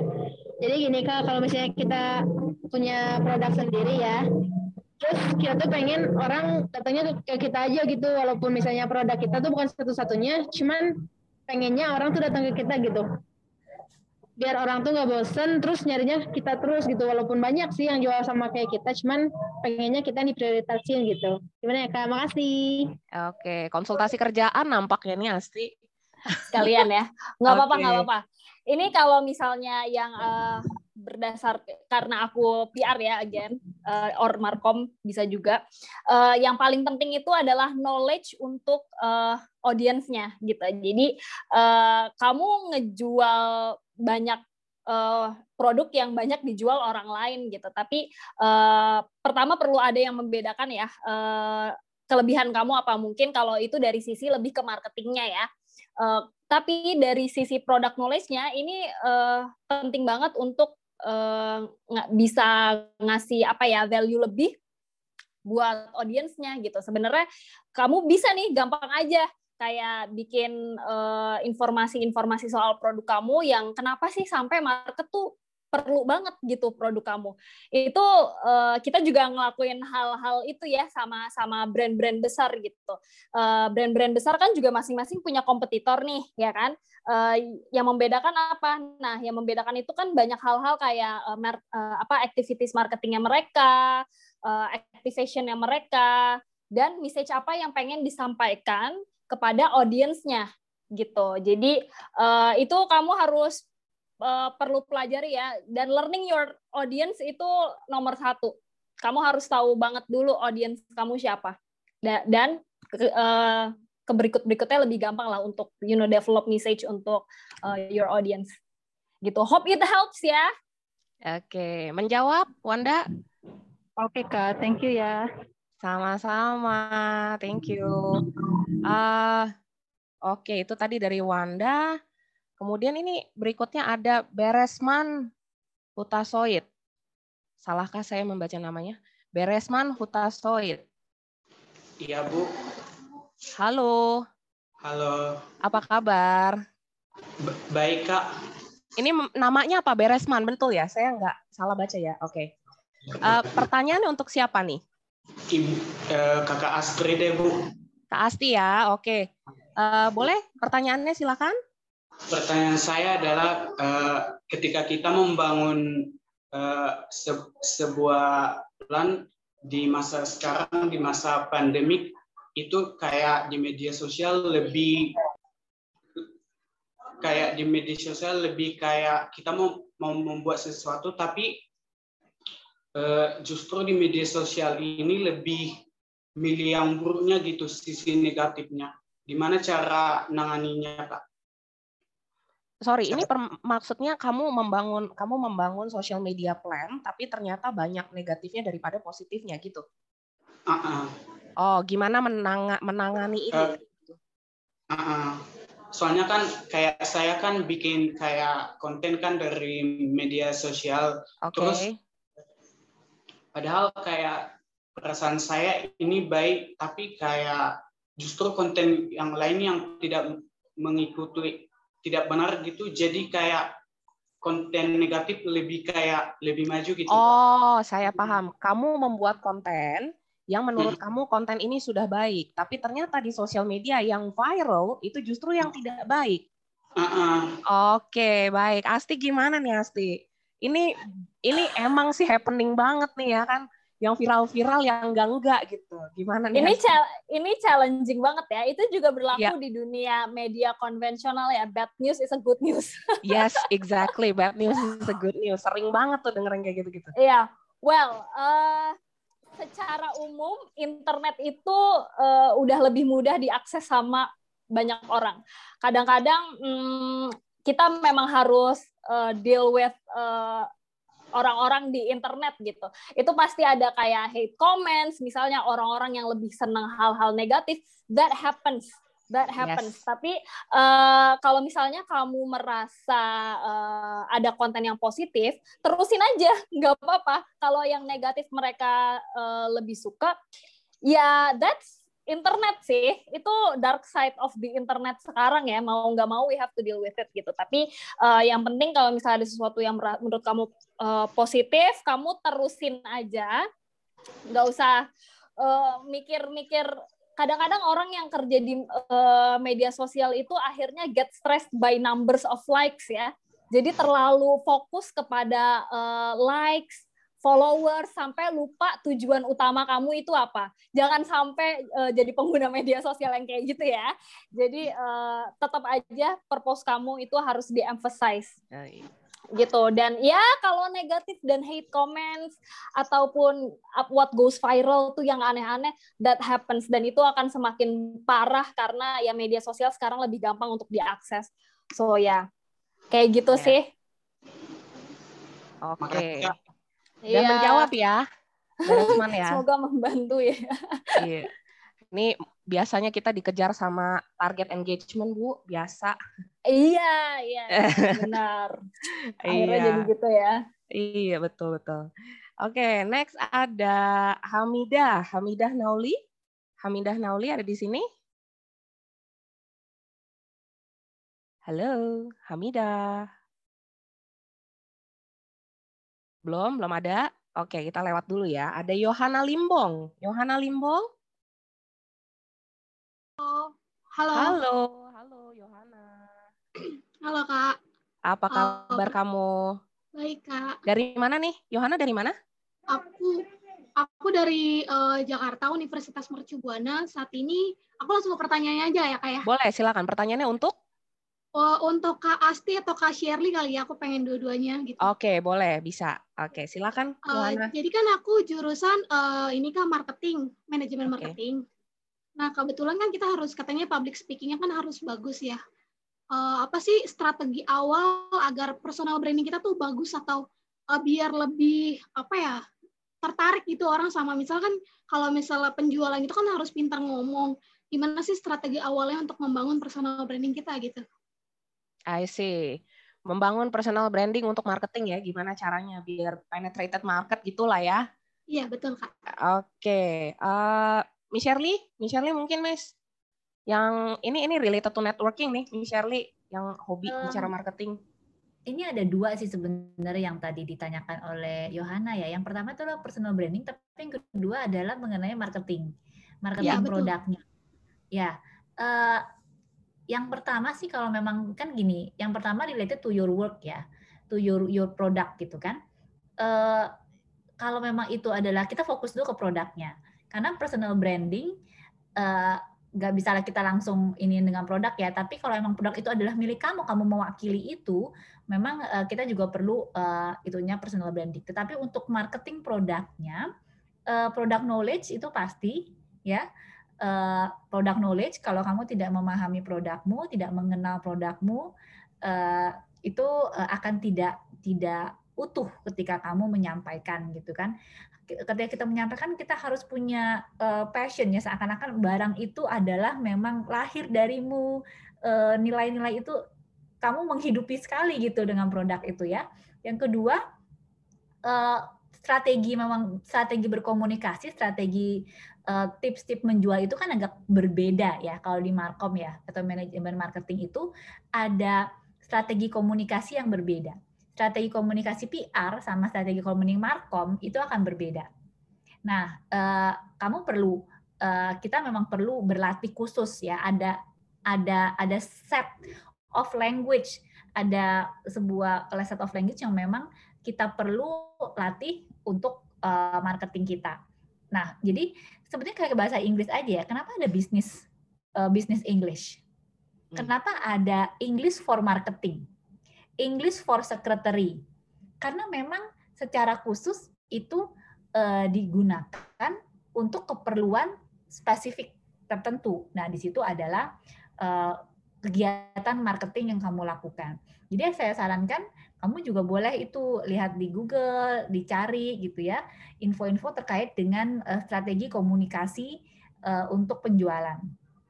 Ya, untuk penjualan, untuk kalau saya kan belajarnya bagaimana uh, training gitu kan, lalu coaching. Nah, itu bagaimana memberikan pertanyaan-pertanyaan pemantik misalkan. Ya itu yang memang harus kamu kamu pelajari. Terkait dengan personal branding, kamu harus menentukan dulu passionmu ke mana Ya, tadi seperti yang uh, Asti sudah sampaikan gitu dari awal.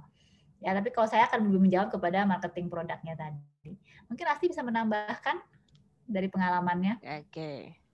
Oke, okay, thank you. Uh, tadi uh, menyambung ya, uh, Miss Shirley ngomongin product knowledge itu penting banget kalau misalnya saat uh, memang mau ngejual suatu produk ya. Karena uh, yang perlu diketahui selain daripada knowledge uh, brandnya itu sendiri adalah kamu harus tahu kenapa market itu uh, butuh produk kamu. Kayak emang sekarang ada apa gitu. Nah makanya uh, aku tadi juga sempat mention kalau misalnya ngikutin tren itu penting banget ya. Jadi uh, rajin baca berita, uh, even ngikutin tren yang what goes viral sekarang juga uh, penting kok dan itu ngebantu banget buat kamu uh, build apa uh, have a better public speaking juga. Kenapa? Karena ketika ngobrol sama orang, kesulitan yang paling mudah itu ada eh kesulitan yang sering terjadi itu adalah nggak tahu mau ngobrolin apa sama orang. Itu masalah banget ya kan. Sedangkan uh, pasti jadi jadi apa ya jadi takut takut grogi karena aku nggak tahu mau ngomongin apa. Padahal there's a lot of things you can talk uh, sama orang-orang itu. Makanya kenapa uh, ngetahuin tren itu uh, juga penting. Karena kamu nggak pernah tahu kan lawan bicara kamu itu backgroundnya apa. Kalau misalnya tahu-tahu backgroundnya gampang aja deh. Sekarang tuh lagi ngetren apa ya kripto sama bitcoin waduh terus gue nggak tahu apa-apa nih soal kripto dan bitcoin padahal itu adalah uh, yang lagi ngetren dan sebenarnya kamu bisa lihat gitu apa sih sebenarnya itu dari media-media gitu jadi saat enggaknya ketika ngomong sama orang uh, penting ya cukup penting lah untuk tahu backgroundnya dia apa, interestnya dia apa. Jadi kamu bisa buka obrolan dari situ. Dan kalau misalnya udah gampang buka obrolan sama orang, uh, public speaking itu terjadi aku lebih aku pribadi lebih senang public speaking yang dibawa natural daripada public speaking yang dipaksakan gitu. Karena karena ya it's your job jadi kayak gue harus bisa public speaking. Padahal public speaking itu yang paling penting itu ketika terjadinya natural. Nah makanya uh, itu networking dan tahu isu-isu yang terjadi sekarang itu juga uh, penting untuk kamu ngebantu uh, bisa lebih baik ya public speakingnya Oke, kira-kira makasih cukup ya, menjawab. Kak Iya, menjawab sekali Kak. Makasih Kak Shirley dan Kak Asti untuk Kakak Oke, semuanya. terima kasih. Oke, uh, itu tadi dari Yohana Limbong. Ini aku mau balik sedikit nih, Hamidah Nauli. Kamu ada di tempat kah, Hamidah? Ada, Hami- Kak. Oke, Hamidah Nauli. Oke, uh, ini pertanyaannya untuk siapa nih, Hamidah? Untuk kakak-kakak yang Ya, semuanya bisa, Kak. Dua-duanya. Oke, baik. Silakan pertanyaannya, Hamidah. Uh, Kak, jadi kan aku kan masih SM, SMA nih, Kak. Habis itu mm-hmm. aku tuh senang gitu, Kak, di pelajaran bahasa Inggris. Tapi tuh buat uh, buat mata kuliah, eh kok kuliah, apa sih buat pengen ngambil jurusan kuliahnya bingung gitu loh, Kak. Mau jurusan apa gitu. Jadi okay. bisa butuh rekomendasi jurusan kuliah buat peminat bahasa Inggris. Iya. Ceritanya ya. Oke, baik. Gimana nih, Miss Shirley, Asti, Miss Shirley dulu mungkin yang dari pendidikan nih bisa menjawab Kalau nih. Kamu senang bahasa Inggris ya, ada biasanya ada dua jurusan. Yang pertama pendidikan bahasa Inggris atau uh, budaya dan bahasa. Ya, ada satu lagi yang jurusannya adalah sastra. Nah, kalau yang terkait dengan bahasa Inggris ya, nanti uh, kamu tinggal uh, minatnya kamu tuh ke mana? Apakah Inggris tersebut kamu uh, senang berkomunikasi, kamu senang uh, apa namanya menggunakan bahasa Inggris itu nanti untuk mengajar ataupun untuk bekerja? Itu sebenarnya bisa di uh, Fakultas Budaya dan Bahasa, hmm. uh, eh Fakultas Pendidikan dan Bahasa.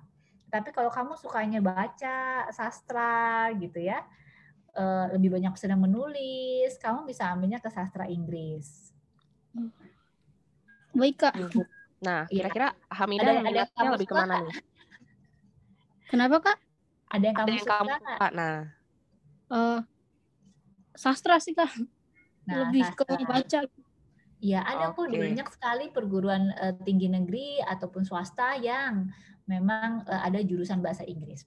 Nah, selain itu sebenarnya ada uh, apa setiap fakultas, setiap tugas, setiap universitas itu pasti mempunyai uh, lembaga bahasa. Di mana setidaknya kalau kamu memang mengambil jurusan yang berbeda, tetapi kamu ingin mengembangkan bahasa Inggrismu, kamu bisa ikut komunitas lembaga bahasa tersebut yang membantu kamu untuk uh, mengembangkan uh, minat kamu di segi bahasa, sehingga kedua-duanya akan terakomodir secara bersamaan. Ya. Oh, ya, Kak. Makasih, Kak. Ya, ada satu lagi sebenarnya kalau mau itu adalah cari fakultas, cari universitas yang media medium bahasanya adalah bahasa Inggris. Jadi sekalian. Okay. Ya, kasih Kak. Iya, mungkin dari Asti ada tambahan Asti? Uh, kayaknya udah cukup terjawab sama Miss Shirley, tapi ini uh, apa uh, added value banget kalau misalnya emang SMA sukanya bahasa Inggris ya, ya. jadi uh, gampang uh, maksudnya kalau misalnya suatu saat kamu pengen coba hal lain di luar daripada bahasa Inggris uh, pada akhirnya ya it will help you in your career juga sih so ya yeah. oke itu terjawab ya Hamidah ya Ya Kak, terjawab. Terima kasih Kak. Oke, baik. Uh, itu tadi Hamida Nauli. Luar biasa masih SMA udah jelas nih minatnya bahasa Inggris. Nextnya ada Ilham Zul. Ilham Zul. Ya, selamat sore. Sore, Mas Ilham, Hai, apa Ilham kabar?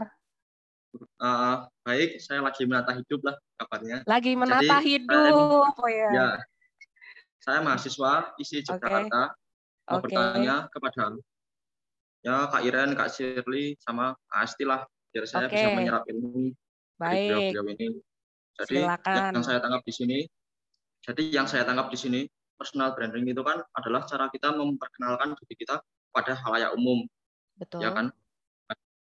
Pada praktiknya kan tidak menutup kemungkinan bahwa personal branding ini kita membranding diri kita secara berlebihan gitu. Jadi dalam tanda kutip berarti pencitraan. Nah, bagaimana cara membatasi bahwa personal branding kita ini agar tidak mengarah ke pencitraan yang berlebihan sehingga menghilangkan value-value yang ada di dalam diri kita. Sekian. Oke. Okay. Oke. Okay. Uh, eh, siapa dulu nih? Miss Shirley dulu mungkin atau Asti dulu? Asti dulu boleh, Asti? Oh, aku dulu ya. Oke. Okay. Uh, eh, sebenarnya kalau misalnya untuk membatasi itu uh, jangan sampai kamu keluar daripada uh, diri kamu yang sebenarnya. Itu aja sih. Jangan uh, terutama kaitannya nih sekarang di media sosial ya. Kayak aku udah mention tadi, orang tuh get stressed banget sama numbers of likes, views dan lain-lainnya. Jadi sampai mengabaikan diri dia sendiri gitu. Jadi uh, stay true to yourself itu udah paling penting. Sesimpel itu sih. Mungkin Miss Shirley mau nambahkan, silakan. Ya, uh, kalau aku sih sebenarnya uh, kita gini ya, kita tidak perlu semua harus kita mengusahakan sendiri. Ya, kita kita coba juga ajak rekan-rekan yang menjadi kepercayaan kita dalam membangun karir kita, membangun brand kita. Mereka yang menjadi uh, apa ya, apa namanya, evaluator mengevaluasi apa yang apa yang sudah kita hasilkan. Kalau memang dia, dia uh, pertemanan kita atau kolaborasi kita dengan dengan tim ataupun dengan uh, keluarga terdekat, mereka yang akan menjadi uh, partner uh, evaluasi uh, fit yang memberikan umpan balik kepada kita. Itu bisa membantu, ya. Tapi yang paling penting juga tadi seperti yang Ati sampaikan, we have to be genuine, autentik dengan diri kita nilai-nilai itu. Nah, bagaimana kita tahu dan itu ya kita butuh orang lain juga kan? Karena kalau tidak persepsi itu hanya akan diri kita sendiri yang mengatakan bahwa saya merasa seperti ini, saya merasa sudah merasa seperti ini. Tapi bagaimana dengan orang lain? Ya, itu uh, jadi libatkan orang lain. Libatkan orang lain yang kamu percaya untuk bisa memberikan penilaian yang jujur dan evaluasi dan memberikan umpan balik bagi kamu. Mungkin Iren? Oke, okay. uh, eh, kalau dari aku, aku kembali, uh, Mas Ilham, aku kembali ke apa yang dikatakan sama Ma Asti, apa yang dikatakan sama Miss Shirley, authenticity itu penting. Dan garis bawahnya adalah ini sesuatu yang aku pegang, aku suka dan kebetulan tadi sempat dimention sama Miss Shirley. Walk the talk. Jadi untuk tidak pencitraan adalah pastikan kamu menyampaikan apa yang bisa kamu lakukan. Jangan menyampaikan sesuatu di luar kemampuan kamu. Itu yang jadinya ya pencitraan. Belum tentu kamu bisa lakuin tapi kamu sampaikan gitu walk the talk ini penting karena nggak cuma untuk personal branding tapi untuk menjalani kehidupan. Tadi kan Mas Ilham sempat bilang nih, saya lagi menata kehidupan. Nah, walk the talk ini penting ya, dicatat gitu. Oke, Mas Ilham mudah-mudahan menjawab ya. Terima kasih. Oke, baik. Terima kasih. Wah, rame nih masih ada yang mau bertanya lagi. Ada Anna Manalu. Ya, halo Kak. Halo. Iya, nih Ana excited banget sampai aku di chat privately mau tanya. Iya, takut iya. gak kebagian. Oh, kebagian oh, iya. kok, tenang aja. Ana, apa kabar? Uh, ya, saya baik, Kak. Uh, Oke, okay. dari uh, mana asalnya? Ana dari mana asalnya? Kalau asal saya dari Medan, tapi kalau sekarang itu ngekos di Jakarta. Oke, okay, I see. Pertanyaannya untuk siapa nih? Oh ya, uh, aku mau bertanya sama dua-duanya deh, Kak Serli yang makasih. Baik, oke. Silakan pertanyaannya, Ana. Oke, uh, uh, gini kak, aku kan termasuk seorang introvert nih. Nah, selama ini kan aku mencoba membangun personal branding dengan uh, mengasah dan mengenali diri aku lebih lagi.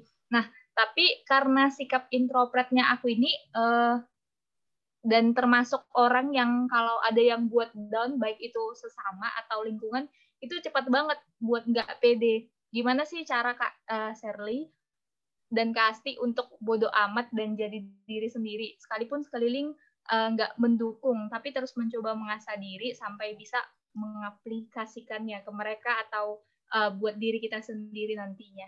Kasih Kak. Oke, pertanyaannya gimana caranya bersikap bodoh amat, yang penting diri gue sendiri aja. Nah, tuh. Iya, benar. Ini terkadang sulit loh. Ini kedengerannya enak ya, bodoh amat, yang penting gue nya aja. Nah, tapi ini nggak nggak ya. mudah dilakukan. Oke, silakan mungkin Miss Shirley, Miss. Um, ini memang sulit banget sih pertanyaannya, karena uh, saat ini kita tidak bisa melepaskan diri dari kenyataan realita iya. yang ada bahwa kita hidup dengan uh, semua itu apa ya nge-like nge-like itu menjadi bagian dari hidup ya uh, apa namanya berapa love yang gitu kadang-kadang uh, kadang-kadang sangat berdampak bagi bagi pekerjaan dan hidup kita.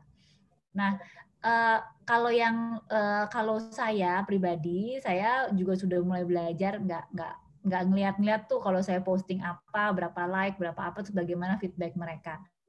Karena saya mencari uh, bukan pelarian ya, tetapi sebuah komunitas di mana saya akan lebih merasa nyaman dan mereka akan memberikan feedback untuk menjadi kekuatan saya mengerjakan dan membuat tindak lanjut.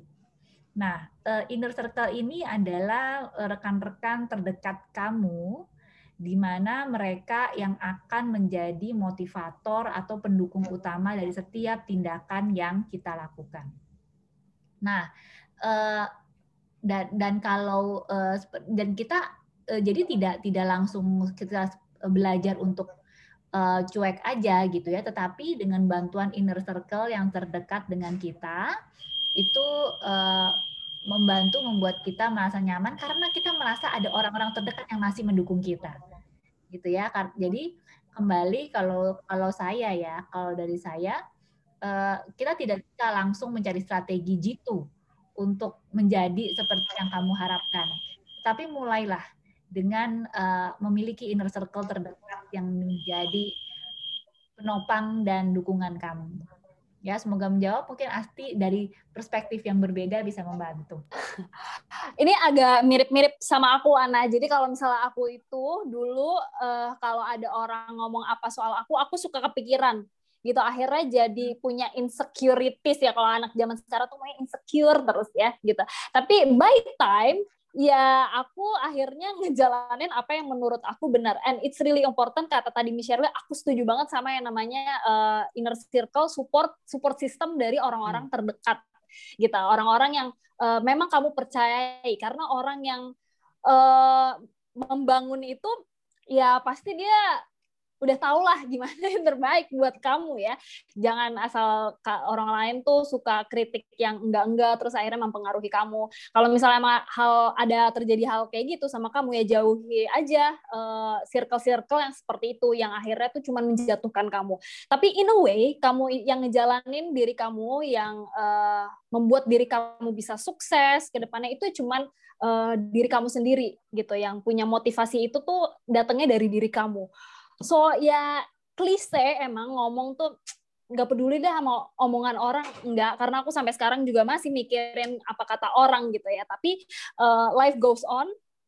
Jadi kalau misalnya ada hal-hal kayak gitu aku menghindari aja hal-hal yang uh, menjatuhkan aku gitu. Menjauhkan hal-hal kayak gitulah. Semoga membantu ya jawabannya. Oke. Ya itu uh, dari siapa tadi kan saya sampai lupa. Dari Ana. Ana. Iya Ana. Dia cukup membantu Oke. Okay. Uh, Kak sama Kak Serli, makasih buat jawabannya. Oke, okay, membantu ya Ana. Jadi jauhi lingkungan-lingkungan yang toksik yang menjatuhkan dirimu dan bangunlah support system yang baik dari orang-orang terdekat ya. Oke. Okay. Sip. Oke, okay, thank you Ana. Thank you Kak. Kemudian berikutnya kita ada Amanda Faizatul. Amanda Faizatul. Ada adakah di tempat? Uh, ada. Hai. Oke, okay. hai Amanda. Apa kabar kamu? Baik. Uh, sebelumnya, selamat sore kakak-kakak dan teman-teman. Saya juga ingin mengucapkan terima kasih untuk Miss Shirley dan juga Kak Asti atas pemaparannya yang sangat insightful. Jadi, uh, saya langsung ke pertanyaannya aja. Mungkin nggak sih kalau misalkan seseorang itu memiliki dua personal branding di saat yang bersamaan? Kayak misalkan tuh um, kita mengambil contoh, orang mahasiswa itu kan biasanya identik dengan hal-hal uh, atau sifat yang biasanya itu idealis gitu. Namun um, saya ini penasaran, kalau misalkan seorang mahasiswa dengan idealisannya, bisa nggak tiba-tiba uh, mahasiswa ini dihadapkan dengan peristiwa yang bertentangan dengan keidealisan mereka, atau katakanlah uh, mereka dihadapkan dengan keadaan realistis, sehingga membuat um, si mahasiswa ini tuh memiliki dua sisi yang berbeda gitu dalam dirinya. Dan kalau misalkan semisal memang um, personal branding itu bisa banyak gitu jumlahnya di dalam diri seseorang, kira-kira mana sih yang akan menonjol? Karena uh, saya juga sebenarnya uh, kepikiran, saya ngasih pertanyaan ini karena saya kepikiran dengan teori sosiologi uh, yang namanya itu dramaturgi. Teori dramaturgi oleh Erving Goffman. Jadi dia itu mengatakan bahwa um, kehidupan di dunia ini adalah diibaratkan sebagai uh, panggung drama gitu. Jadi seseorang itu bisa berbeda-beda. Kalau misalkan um, kita mungkin ada di tempat A, kita akan menunjukkan peran kita sebagai apa gitu misalkan dengan personal branding yang bagaimana. Jadi kalau misalkan kita dihadapkan dengan kondisi B, C dan sebagainya, begitupun um, personal personal branding kita tuh akan mengikuti um, tempat yang sedang kita ini apa yang sedang kita hadapi gitu loh. Nah jadi hmm. kira-kira tuh bisa nggak sih kalau misalkan seseorang tuh memiliki dua atau lebih gitu personal branding di saat yang bersamaan. Dan kalaupun emang iya tuh yang menonjol kira-kira yang mana ya? Terima kasih. Oke, jadi ini aku meluruskan sedikit ya. Jadi maksudnya orang ini apa yang dia tunjukkan kepada publik itu berdasarkan sikon. Situasi dan kondisi di mana dia ditempatkan itu apa ya jadi bagaimana dia bereaksi menunjukkan kepada publik dirinya seperti apa. Begitu kan ya maksud Amanda ya? Um, betul karena kalau misalkan yang saya tangkap tuh personal branding itu biasanya kan kayak adalah sesuatu yang emang kita buat gitu yang kayak branding seseorang supaya seseorang itu bisa dikenal oleh halayak misalkan orang ini tuh kayak gini gitu tapi sedangkan um, manusia ini kan sifatnya dinamis gitu dan situasi yang kita hadapkan juga berubah-ubah. Jadi um, apakah personal branding itu juga sifatnya situasional kah atau bagaimana? Oke, okay, baik. Oke, okay, nah uh, Miss Shirley deh. Miss Shirley gimana nih Miss Shirley? Ada teori sosiologinya. Ini ya, kalau saya masalah nilai kehidupan, nilai yang kamu anut itu tidak akan berubah apa pun peran yang kamu lakukan. Misalkan, saya mempunyai nilai uh, bahwa uh, kebenaran itu harus ditegakkan. Mau saya sebagai seorang ibu, saya sebagai seorang murid, saya sebagai seorang dokter, politikus, bahkan petugas kebersihan, kalau adalah hal benar itu harus dilakukan, apa pun itu kita akan melakukannya. Ya, e, jadi nilai itu sebenarnya tidak berpengaruh dengan e, apa ya eh, peran apa yang kita lakukan. Nah, eh, ketika memang eh, masalah yang kamu hadapi itu adalah mengenai uh, dilema ya, aku saya saya sebutnya kamu dilema. Ketika kamu punya idealisme tapi realitasnya adalah seperti ini.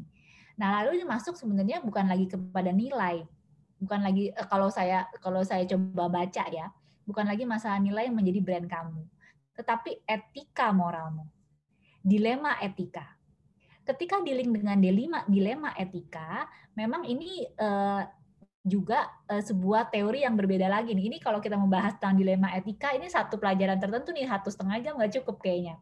Ya, dilema etika bagaimana ketika kita diperhadapkan sebuah kasus, ada step-step yang harus kita uh, jalani sehingga kita mengecek. Jadi kayak self check. Uh, ketika saya idealisme saya cocok nggak sama ini? Apakah uh, uh, masalah yang kita hadapi ini masalahnya apa lawan apa gitu ya apakah ini masalah dengan uh, kebenaran dengan keadilan apakah ini kita harus memukan untuk kepentingan diri sendiri apa kepentingan orang banyak nah itulah proses yang namanya proses pengambilan keputusan terkait dengan dilema etika nah Uh, jadi kalau kalau Amanda bingung saat ini uh, tentang idealisme dan memang generasi kamu, generasi kita ini adalah generasi yang memang menjunjung tinggi idealisme, ya, generasi menjunjung tinggi idealisme dan uh, pasti akan bentrok dengan realita yang ada, terutama ketika realita itu mungkin dengan generasi-generasi lainnya yang uh, akan bertolak belakang. Tetapi mari kita uh, kembali melihat isunya apa isunya apa dan bagaimana uh, kita akan dealing dengan itu. Nah, nanti kalau Amanda mau, mungkin bisa kontak dengan uh, Luminous juga. Saya akan uh, sharing sedikit tentang dilema etika. Ya, uh, sambil menunggu nanti saya akan tulis di chat ya mengenai buku yang mungkin kamu bisa baca terkait dengan uh, how idealisme itu dengan realita itu dan bagaimana kita mengambil keputusan di antara uh, dilema yang kita hadapi. Mungkin Asti bisa menambahkan, saya coba cari judul bukunya sebentar ya. Wow, Miss Shirley ini udah keren banget menjelaskannya ya. Kalau misalnya dari aku mungkin gini, karena tadi ada pertanyaan dari uh, Amanda juga, mungkin nggak sih satu orang itu punya personal branding yang uh, berbeda gitu. That happens, kayak tadi aku mention gitu ya, kayak selebriti itu kadang-kadang in real life versus apa yang di brandingin sama dia, itu bisa beda ada halnya juga kalau misalnya di Twitter itu suka ada kayak istilahnya alter ego gitu ya.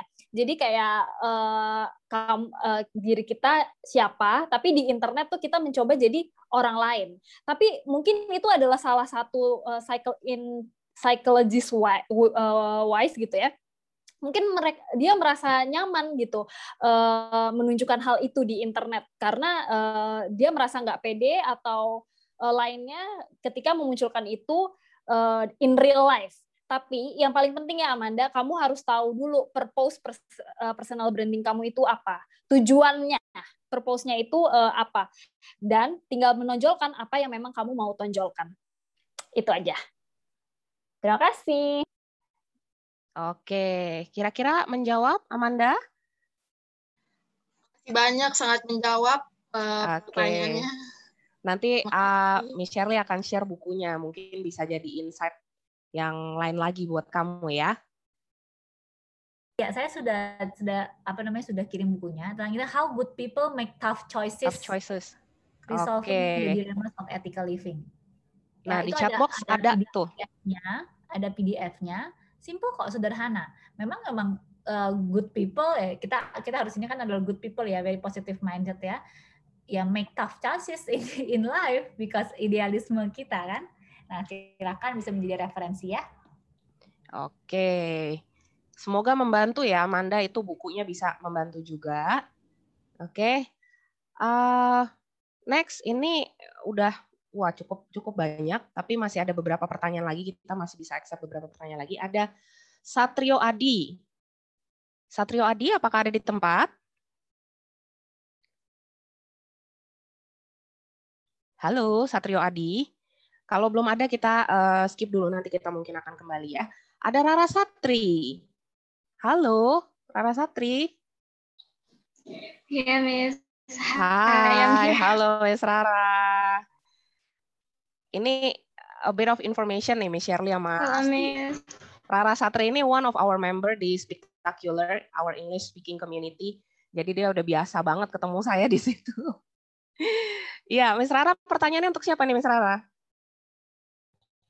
Oh, mungkin bisa untuk keduanya juga, karena ada okay. di sisi lain ada dari pendidikan juga di PR juga. Nah, untuk pertanyaannya okay. itu terkait di background background saya kan ini uh, kebetulan tadi ada juga pertanyaan sebelumnya yang suka bahasa Inggris gitu kan, dan um, kebetulan saya juga uh, di bidang apa kuliahnya di pendidikan bahasa Inggris. Nah, kebetulan juga Miss Shirley juga dari bidang pendidikan. Nah, saya ingin bertanya, um, apa ya? Saya ingin bertanya gitu. Nah, saya ini kan dari bidang pendidikan bahasa Inggris. Nah, sekarang saya itu suka ingin nih kayak mana ya bisa jadi saya juga apa ya pengen jadi temen kayak teman-teman saya yang di PR gitu. Nah, mereka itu apa ya mungkin jago mungkin gimana ya? Mungkin mereka tuh master banget ya untuk uh, how to communicate to other gitu. Sedangkan bisa nggak sih saya bisa jadi kayak mereka gitu? Apalagi kan uh, saya juga ada keinginan gitu untuk join to earn internship ya. Terus uh, how uh, to communicate to others for um, in the internship program or um, other organization. Maybe uh, it really maybe itu juga perlu gimana ya kemampuan untuk communicate to others terus juga um, gimana sih bisa kayak punya karakter apa sih yang bisa karakteristik atau karakter yang baik itu yang bisa diambil uh, sebagai mungkin mungkin kayak Kak Asti juga sebagai uh, durga di PR gitu ya. Apa sih uh, ke, um, karakteristik dari PR ini gitu loh? Karena saya juga di bidang pendidikan mungkin uh, ingin nih juga punya uh, apa ya punya aduh punya motivasi lain gitu. Oke, maksudnya Rara pendidikannya bahasa Inggris, tapi pengen deh Terima kayak teman-teman itu aja. Oke, jadi mungkin maksudnya yeah. Rara, uh, Rara bidangnya uh -oh. di pendidikan bahasa Inggris, tapi pengen deh kayak teman-teman yang di PR gitu ya, bisa yeah. berkomunikasi dengan baik, bisa sama orang-orang gitu PR ya. gitu. Di, uh, Oke, okay, I see. Ini mungkin boleh mulai dengan Asti nih. Asti gimana nih merintis, yeah. uh, memulai di PR? memulai ya. Uh, Sebenarnya uh, bisa ngobrol dengan banyak orang itu buat aku proses. Uh, memang dari dasarnya aku itu orang yang uh, gampang ya bergaul sama orang gitu. Tapi ketika di dunia kerja itu awalnya terasa sulit. Tapi yang membantu aku itu again networking dan dengan siapa aku bergaul gitu. Uh, jadi uh, ada yang bilang ya katanya uh, kita itu adalah sama dengan lima orang teman kita gitu ya.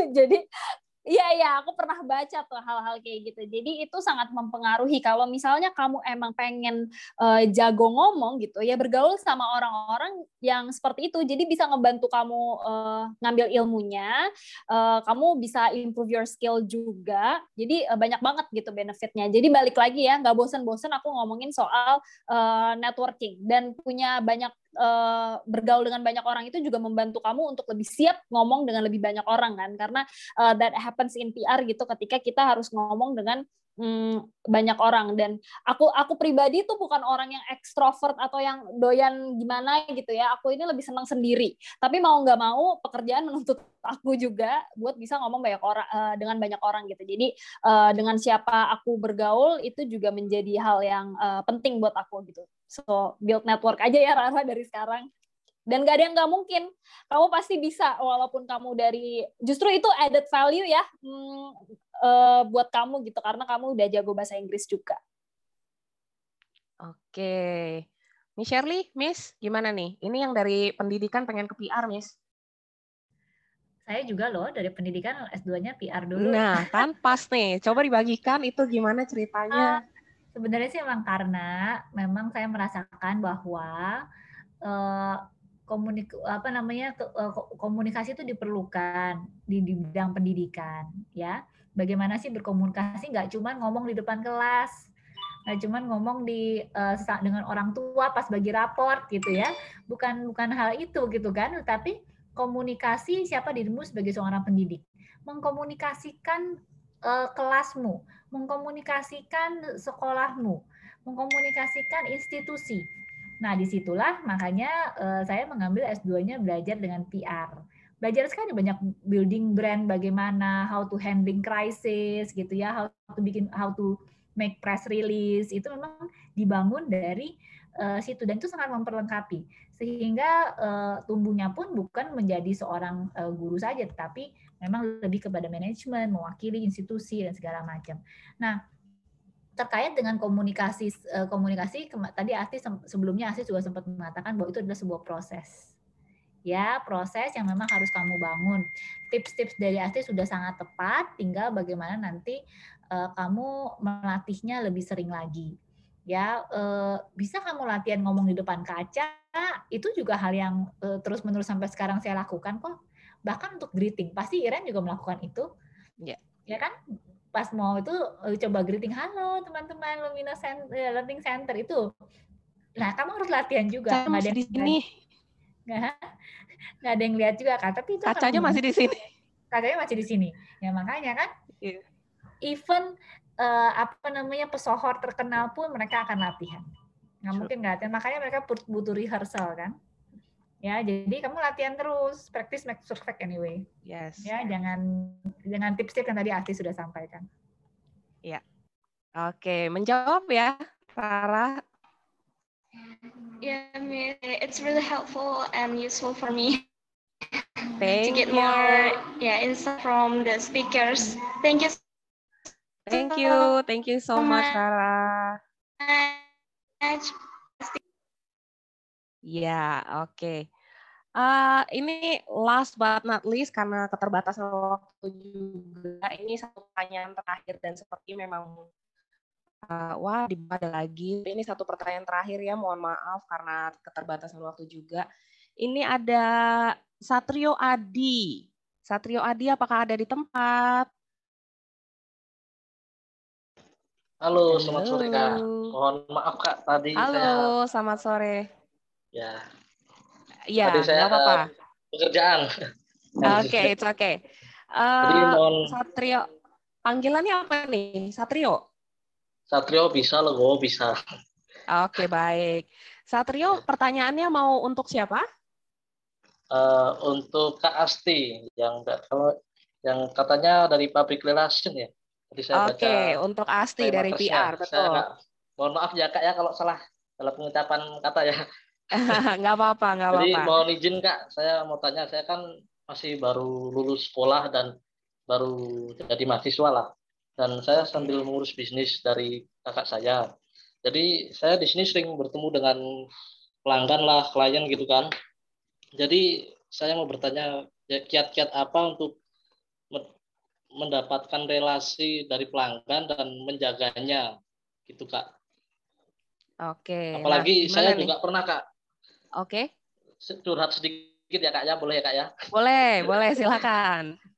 uh, ini kak, jadi waktu itu ada bule gitu kan, nyuci, saya bingung, nggak bisa bahasa Inggris juga, jadi pakai bahasa kalbu dan waktu itu salah juga. Oke baik. Jadi mohon arahan ya kak ya untuk saya okay. ini yang masih pemula. Oke, okay. ya. Oke, silakan Asti. Bahasa okay, kalbu kalau nih Asti lebih hebat lagi. Itu justru aku nggak punya skillnya, Iren. Iya, bahasa kalbu iya betul. Oke, okay, thank you pertanyaannya uh, Satrio ya. Kalau misalnya uh, apa namanya uh, berjualan ya atau uh, selling products gitu, uh, salah satu yang penting itu kan after sales juga ya. Jadi uh, setelahnya gitu kamu membinanya dengan baik itu penting gitu. Mungkin kalau misalnya in terms of product ya kamu bisa uh, after salesnya apa ya mungkin orang-orang yang di customer service lebih ngerti ya. Jadi bisa uh, tanya gimana produknya atau misalnya ada hal-hal yang lain yang bisa dibantu. Jangan lupa untuk bikin database juga ya Satrio ya. Itu salah satu okay. cara buat kamu uh, tetap uh, ada networking. Dan tadi juga aku mention ya uh, paling enak tuh bikin networking networking ketika kamu udah tahu kamu mau ngomong apa sama orang itu. Jadi penting banget juga untuk mempelajari ya misalnya uh, boleh dilihat-lihat lah backgroundnya kira-kira dia suka apa. Nah kamu mulai dari situ aja itu akan mempermudah kamu ke lain-lainnya ya. Jadi uh, start from their interest dari ketertarikannya mereka gitu. Kalau misalnya soal bahasa kalbu dan lain bahasa lain-lain itu by proses juga ya Iren ya. Jadi yeah. Iya. um, Iya, jadi itu nggak nggak nggak usah nggak usah takut. Takutnya kalau misalnya kamu terlalu mikirin hal itu, nanti malah kamu nggak pede ke depannya, ya kan? Padahal yang nomor satu itu yang penting percaya diri dulu lagi, ya kan? jadi uh, itu aja mungkin. Mungkin kalau misalnya Iren atau Mbak Shirley ada yang mau menambahkan juga nih. Oke, Miss Shirley mungkin ada yang mau ditambahkan, Miss? Aku cukup sih, Nasti sudah mengcover okay. banyak. Oke, I see. Nah tadi supaya nggak pakai bahasa kalbu, Mas Satrio bahasa Inggrisnya ditambahin. Itu add up value itu ya. Kayak tadi Asti sudah menekankan add up value itu bahasa Inggris tuh. Kan iya, kemarin sempat viral tuh tagline di TikTok yang bilang nggak bisa bahasa Inggris. Nah tuh jangan sampai aku sedih banget dengerin kayak gitu tuh. Ya jangan sampai deh gitu add up value memang bahasa Inggris cukup penting nggak memang saya udah ada rencana mau privat bahasa Inggris tahun ini. Oke okay, great itu kabar bagus tuh. Aku seneng banget. Bagus ya. Seneng banget kalau misalnya kedengeran ada anak muda yang punya passion untuk bisa belajar nambah lagi skillnya itu bagus banget. Oke. Okay. Ya cukup sekian dari saya kak ya. Terima kasih okay. kak Astri, kak Astri, terima kasih. namanya dan Shirley Pusbauti. Ya, terima kasih. Oke teman-teman, ini uh, mohon maaf kalau misalnya masih ada pertanyaan-pertanyaan yang belum terjawab karena keterbatasan waktu juga. Kita harus tutup sesi interaktifnya. Mungkin nanti kalau teman-teman masih ada yang pengen ditanyain, boleh kontak kita ke Luminus. Nanti aku akan share gimana caranya kontak kita. Nah, untuk uh, Asti dan Shirley nih, sebelum kita tutup, boleh dong di-share nih dari sudut pandang kalian secara pribadi. Uh, personal branding ini kan nggak cuma untuk karir ya, tapi untuk pendidikan juga, kemudian kehidupan sehari-hari. Aku pengen tahu sih sebetulnya impact personal branding ini sebesar apa dalam hidup seseorang, plus tips and tricksnya membangun personal branding yang baik dan memperlihatkannya kepada publik. Oke, okay. uh, mungkin dari Miss Shirley dulu deh. Miss Shirley, gimana Miss? Ya, uh, jadi tadi uh, seberapa besar impact-nya ya? Mm -mm. Ya, kalau buat saya uh, sangat besar. Karena sebagai seorang pendidik itu kan kita ada apa ya? Uh, seperti beban sendiri ya untuk bagaimana kita menjadi seorang teladan. Karena kita kalau misalnya kan guru itu digugu dan ditiru kan.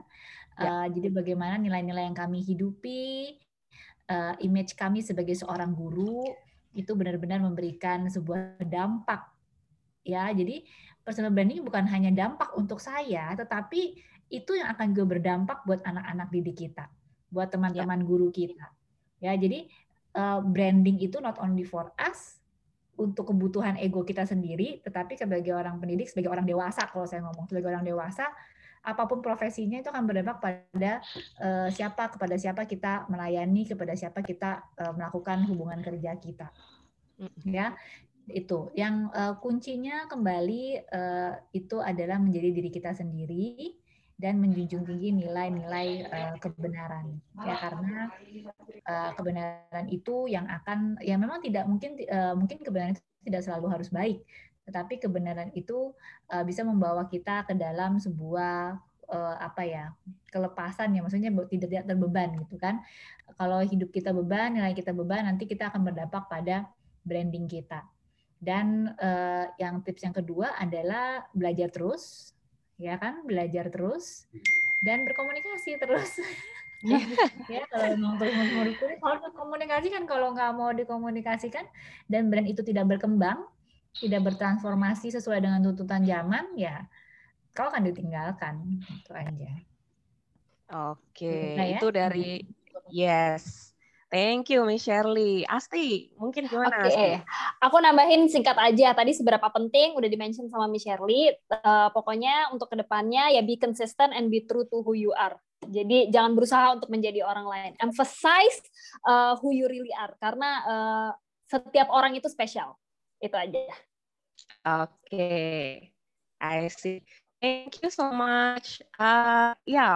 Untuk Miss Shirley dan Asti, terima kasih banyak atas waktunya. Luar biasa ini Sabtu, orang lagi pada malam mingguan, lagi leha-leha, kalian meluangkan waktunya untuk Luminous Friends di sini membagikan a very insightful knowledge.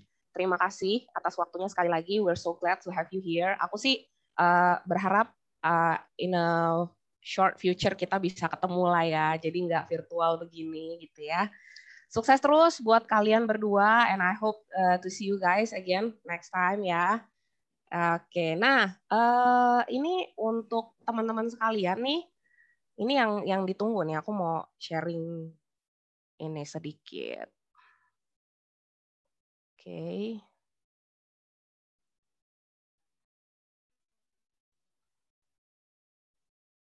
is sorry that one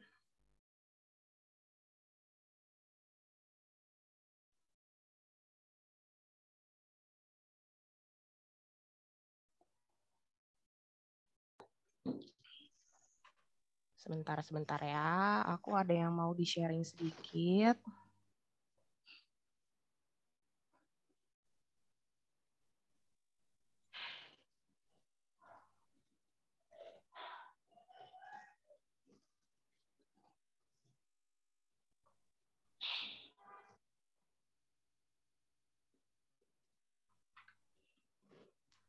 Nah, ini dia.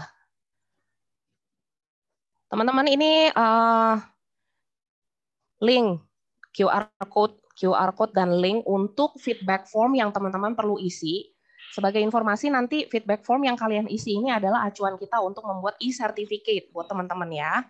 Uh, feedback form ini juga berguna banget buat Luminus. Gimana caranya nanti ke depannya Luminus bisa jadi lebih baik lagi, serve uh, all you guys needs, punya uh, apa yang kalian butuhkan, apa yang kalian inginkan untuk skill-skill apa sih yang pengen ditambahin Oh, tadi ada yang mention juga semoga nanti ke depannya ada webinar kayak gini lagi. Nah, feedback form ini berguna supaya ke depannya kita bisa provide webinar-webinar yang lebih insightful buat teman-teman sekalian ya. Uh, kabar baiknya lagi nih, teman-teman, yang mengisi form ini berkesempatan juga dapat free placement test. Jadi buat teman-teman yang berminat untuk belajar bahasa Inggris, free, free placement test ini nantinya akan jadi uh, masukan untuk teman-teman melihat sebenarnya saat ini ada di posisi mana sih kemampuan kalian. Nah, ini gratis free placement test ini gratis buat teman-teman yang mengisi feedback form ini. Silakan uh, sambil diisi itu bisa di scan langsung handphonenya. Kalau yang nggak bisa itu ada uh, linknya bisa langsung di type diisi. Oke, saya kasih waktu sambil menunggu ya. Lagi sampai menunggu uh, Luminus juga menyampaikan banyak terima kasih nih teman-teman buat minatnya sudah hadir di webinar ini, sudah hadir di tempat ini, meluangkan waktunya Sabtu-Sabtu sore begini di mana anak-anak muda biasanya lagi pada malam mingguan ya kan. Sekalian malah belajar, cari knowledge baru. Waduh, aku senang banget nih ketemu anak-anak muda yang seperti ini nih. Oke. Mudah-mudahan ini udah semua ya, teman-teman ya. Kira-kira sudah semua, sudah di-scan sambil berproses.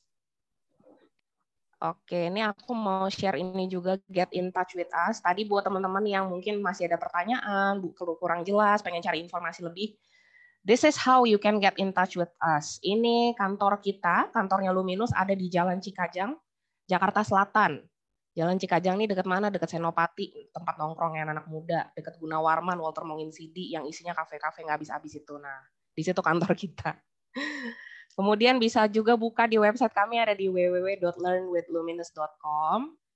Nah, untuk direct contact, direct contact bisa langsung ke ini, WhatsApp nih. Ini bisa langsung dihubungin direct contact langsung ke Luminous. Instagram at Learning Luminous. Instagram ini adalah tempat di mana kita share uh, all information that we have, all classes that we have. Ya, jadi banyak juga konten-konten yang sifatnya insightful, uh, informatif ada di Instagram ini. Jadi so follow follow Instagram ini supaya kalian bisa dapat informasi-informasi terbaru tentang Luminus ya. Oke, saya balik lagi nih ke sini. Sudahkah? Sudah semua?